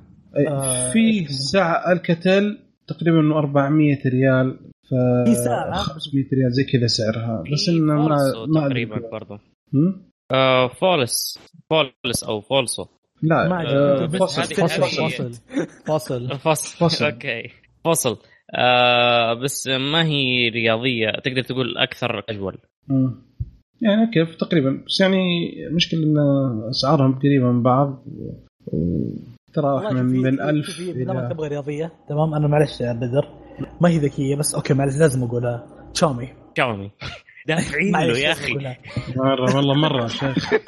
لا يا أخي سعرها ببلاش والله سعرها ببلاش. وبعدين كم؟ رهيب. 100 ريال الحين ولا كم 100 صار ريال 100 ريال. الجديدة اللي هي شو اسمه الشاومي ثلاثة. 100 3 مين ب يدري 120 120 130 مرة. مرة ببلاش هذه. شاومي بعد هذه 100 قيمه تعرف قيمة إيش؟ قيمة ال- السير اللي بتركبه في الابل واتش. في في الأغلى بعد. هذاك 135 أوكي. في في هواي اسمها هواي باند بي زيرو. بي-. بي بس هذه هذه هواي ولا هواوي؟ هواوي. هواوي. واو- هواي واوي واوي سمعت آه، واوي. هواوي هواي الرجال يبغى يسافر الرجال ها؟ الحلقة الجاية من مسجل معاكم ها؟ أوكي الله يعطيكم العافية.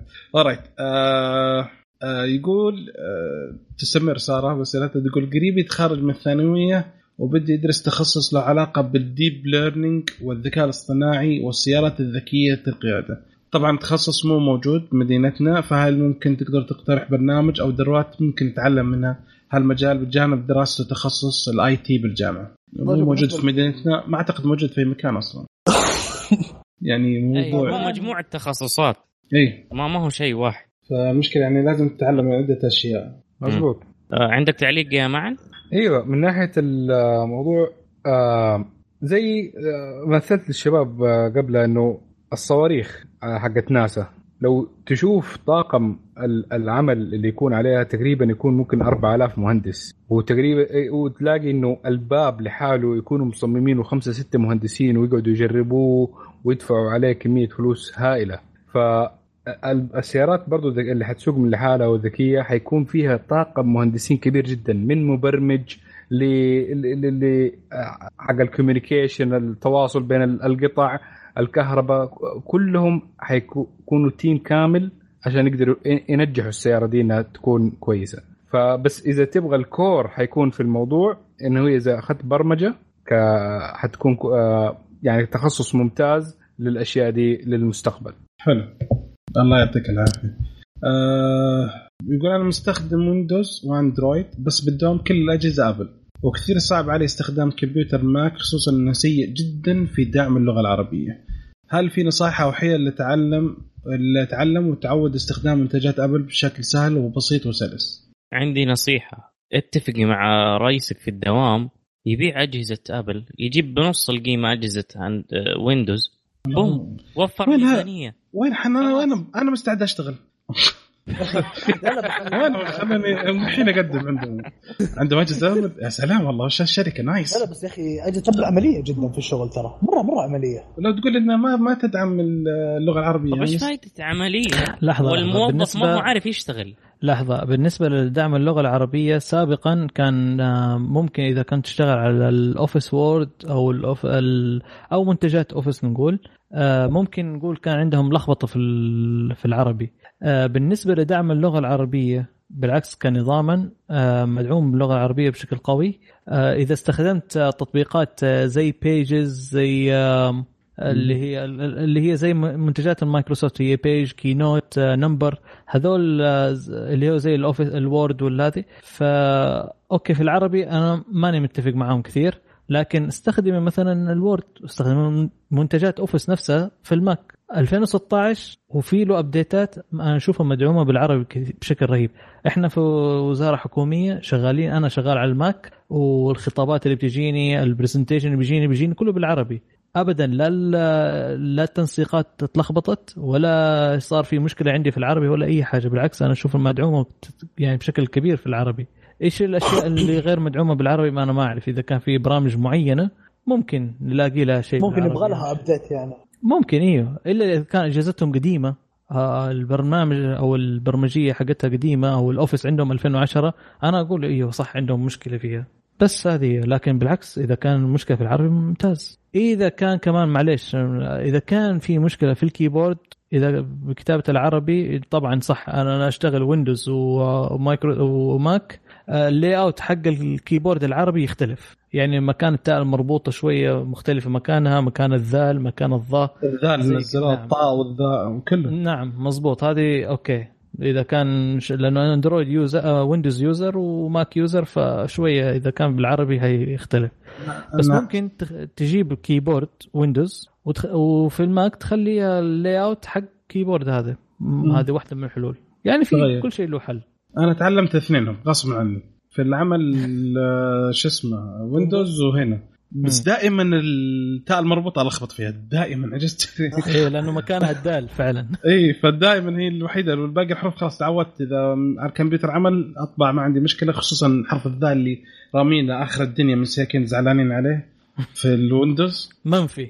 منفي. هنا لا مساكين حاطين جنب الدال والزاء والراء يعني يخلوهم مع بعض. حلو. فمريحنا بس دائما نلخبط بالحرف بالهاء بس دائما. أوكي. يعني آه بالنسبة لسارة ال trick ه الوحيده والحيله الوحيدة تلقي مع المدير اللي قال أحسن. لا ما تخليه. ما ما أنصح. أوكي أوكي. هذا يبغى تبغى تخسرون كل السنين مساكين. عندهم licensing وعندهم بلاوي. تعد ما يخسرون. آه في حل ثاني. أيوه. وش رأيك؟ يفصلون هاي يريحون مخهم.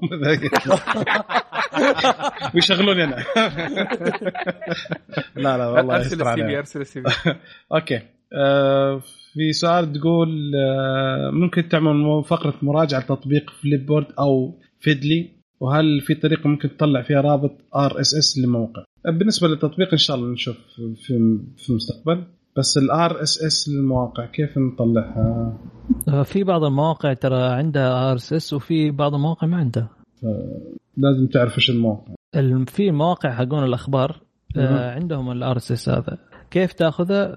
تنزل آخر شيء في الموقع في الموقع مكتوب في أيقونة مكتوبة على يوتيوب مكتوب عليها زي ال sharing منها كلمة RSS. طبعا لازم يكون عندها برنامج يدعم أو يقرأ ال RSS تضيفها. كرابط ويقوم آه، وتضيفها على البرنامج هذا.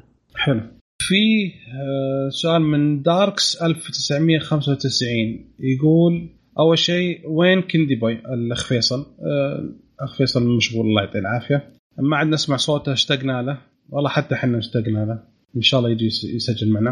آه، يقول أبغى رأيكم إيش أفضل شاشة من 65 بوصة إلى 70 بوصة؟ 4K مع أحدث التقنيات اللي فيها. وهل متوفر عندنا ولا لا؟ وأرخص موقع للشحن مع مزاياها إذا لكم فيها. يلا رجال طلع بوب كورن يقول يلا قاعد يستناكم على حاط صورة بوب كورن قاعد يلا. آه في آه أنا بالنسبة لي شخصيا آه عجبني السوني اللي هو KD dash 65 X 9000 E. هذه إيش ميزتها؟ آه 4K HDR ما أعتقد إنها OLED أعتقد إن هي شو اسمه LCD. آه يجي. عفوا LED LED ف وعندها كمان آه، ال- ال- ال direct light آه، من الخلف. آه، في عنده يسموها dimming ال dimming حقه والله ناسي أنا. ال local dimming ال local dimming local dimming و direct light هذا اللي يعجبني فيها. فهذه بالنسبة لل 65 آه 70 ما أعتقد فيها. فيها 65 و55 و60 أعتقد إذا ما خان آه بس هذه هي ما- 65 هذه سعرها طبعا دحين نازلة في آه، سوني. الموديل القديم شوية 2017 آه ما ما في فرق بينها وبين الأشياء الجديدة. تقريبا بس ال design وفي ال OLED. ال OLED حتدفع مبلغ وقدره خاصة في الشاشات لأنها كبيرة.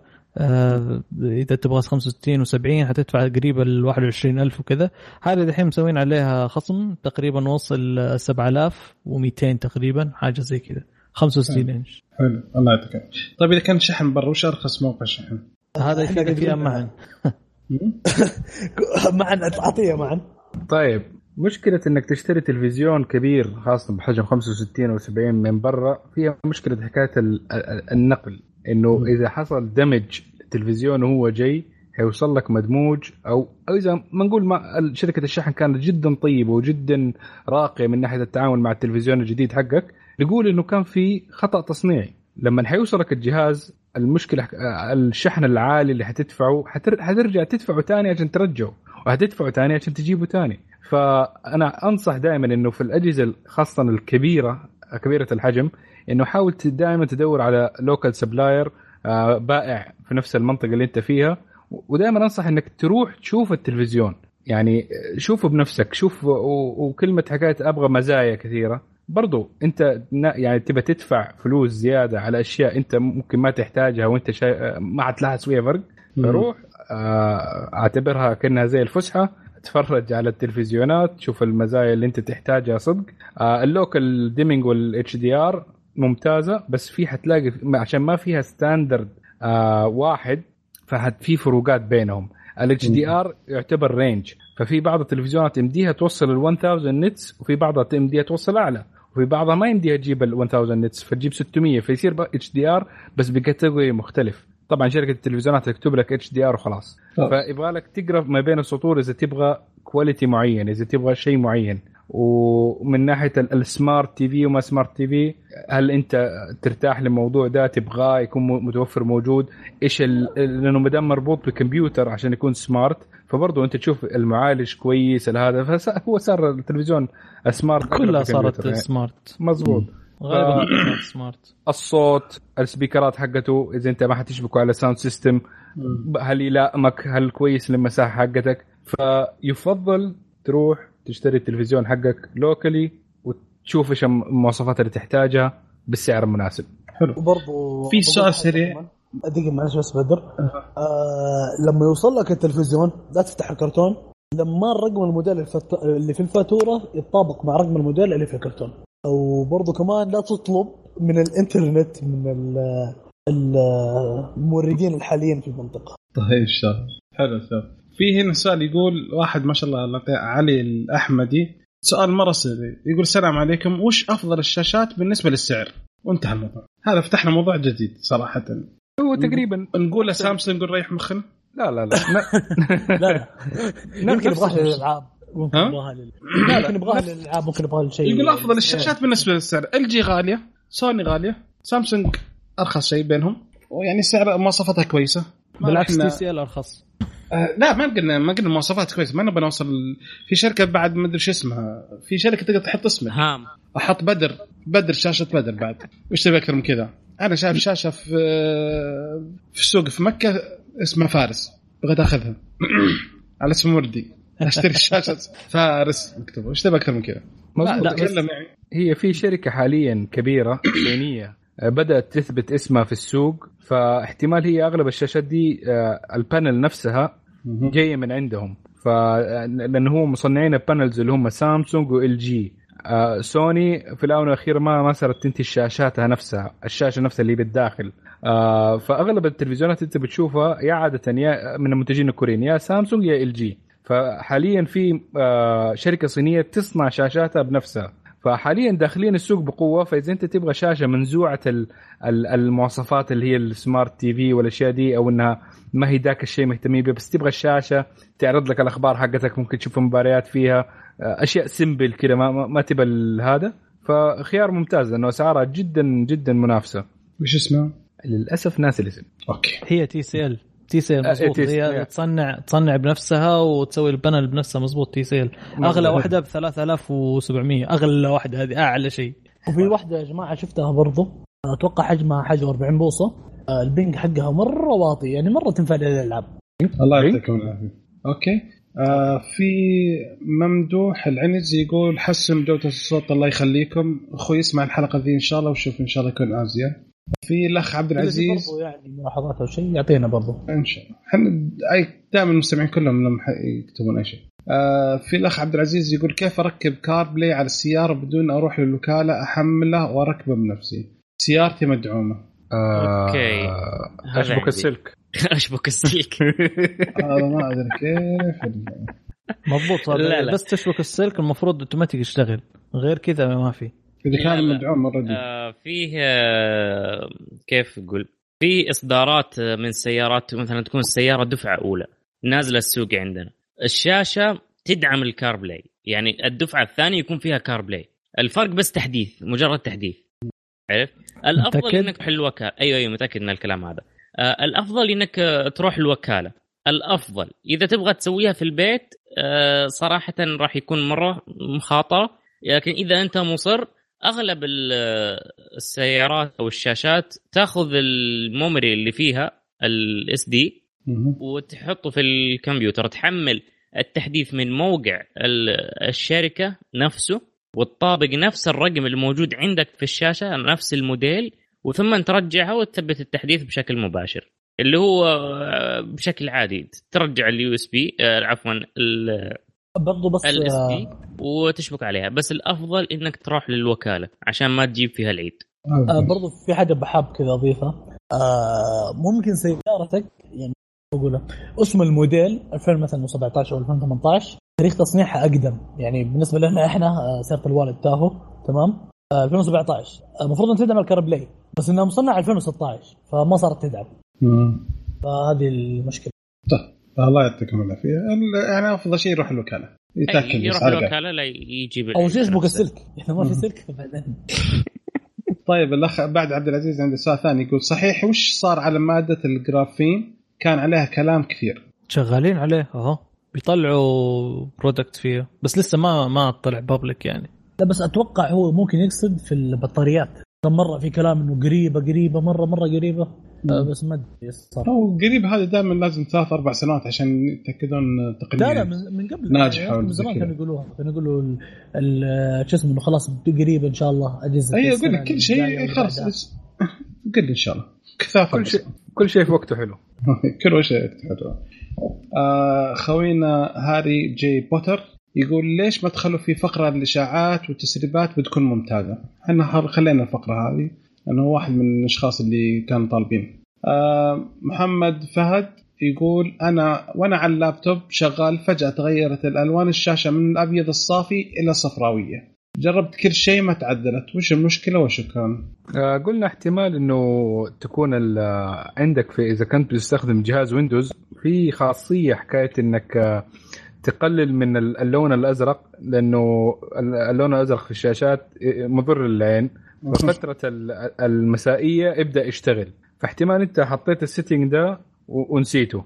أو إنه اشتغل اوتوماتيك إنه تحصل مع Windows اشياء زي كذا. ف check ال settings عندك حقت الشاشة وإذا ما كان enabled ولا لا. إذا كان على طول الشغلة دي حتى لما تعمل restart للجهاز وشاشة الدخول برضو تلاقيها نفس الشيء. فاحتمال عندك ال- لمبات LED ال backlight حق الشاشة ممكن حصل لها مشكلة. فاحتمال تغير الشاشة يكون أحسن. حلو. في أي إضافة شباب؟ ما في؟ أوكي كويس. كذا. اخر آخر تغريدة جتنا من الشباب الله يعطيكم العافية. شكرا لكم على مشاركتكم آه، أسئلة على هاشتاج أسأل كشكول تقنية. وإحنا دائما مستعدين آه، نسمع لكم ولارائكم آه، في الختام شكرا على استماعكم لنا. وأتمنى أنكم تقيمونا على iTunes وتزورون الموقع وتشاركونا بارائكم عن مواضيع الحلقة. ردودكم دائما تهمنا. ونتمنى أنكم تتابعونا في ال social media تويتر وانستغرام وسناب شات. وتسوون subscribe في اليوتيوب. شكرا للشباب. ونشوفكم إن شاء الله على ألف ألف خير. وشكرا للأخ معن. السلام عليكم. السلام عليكم. الله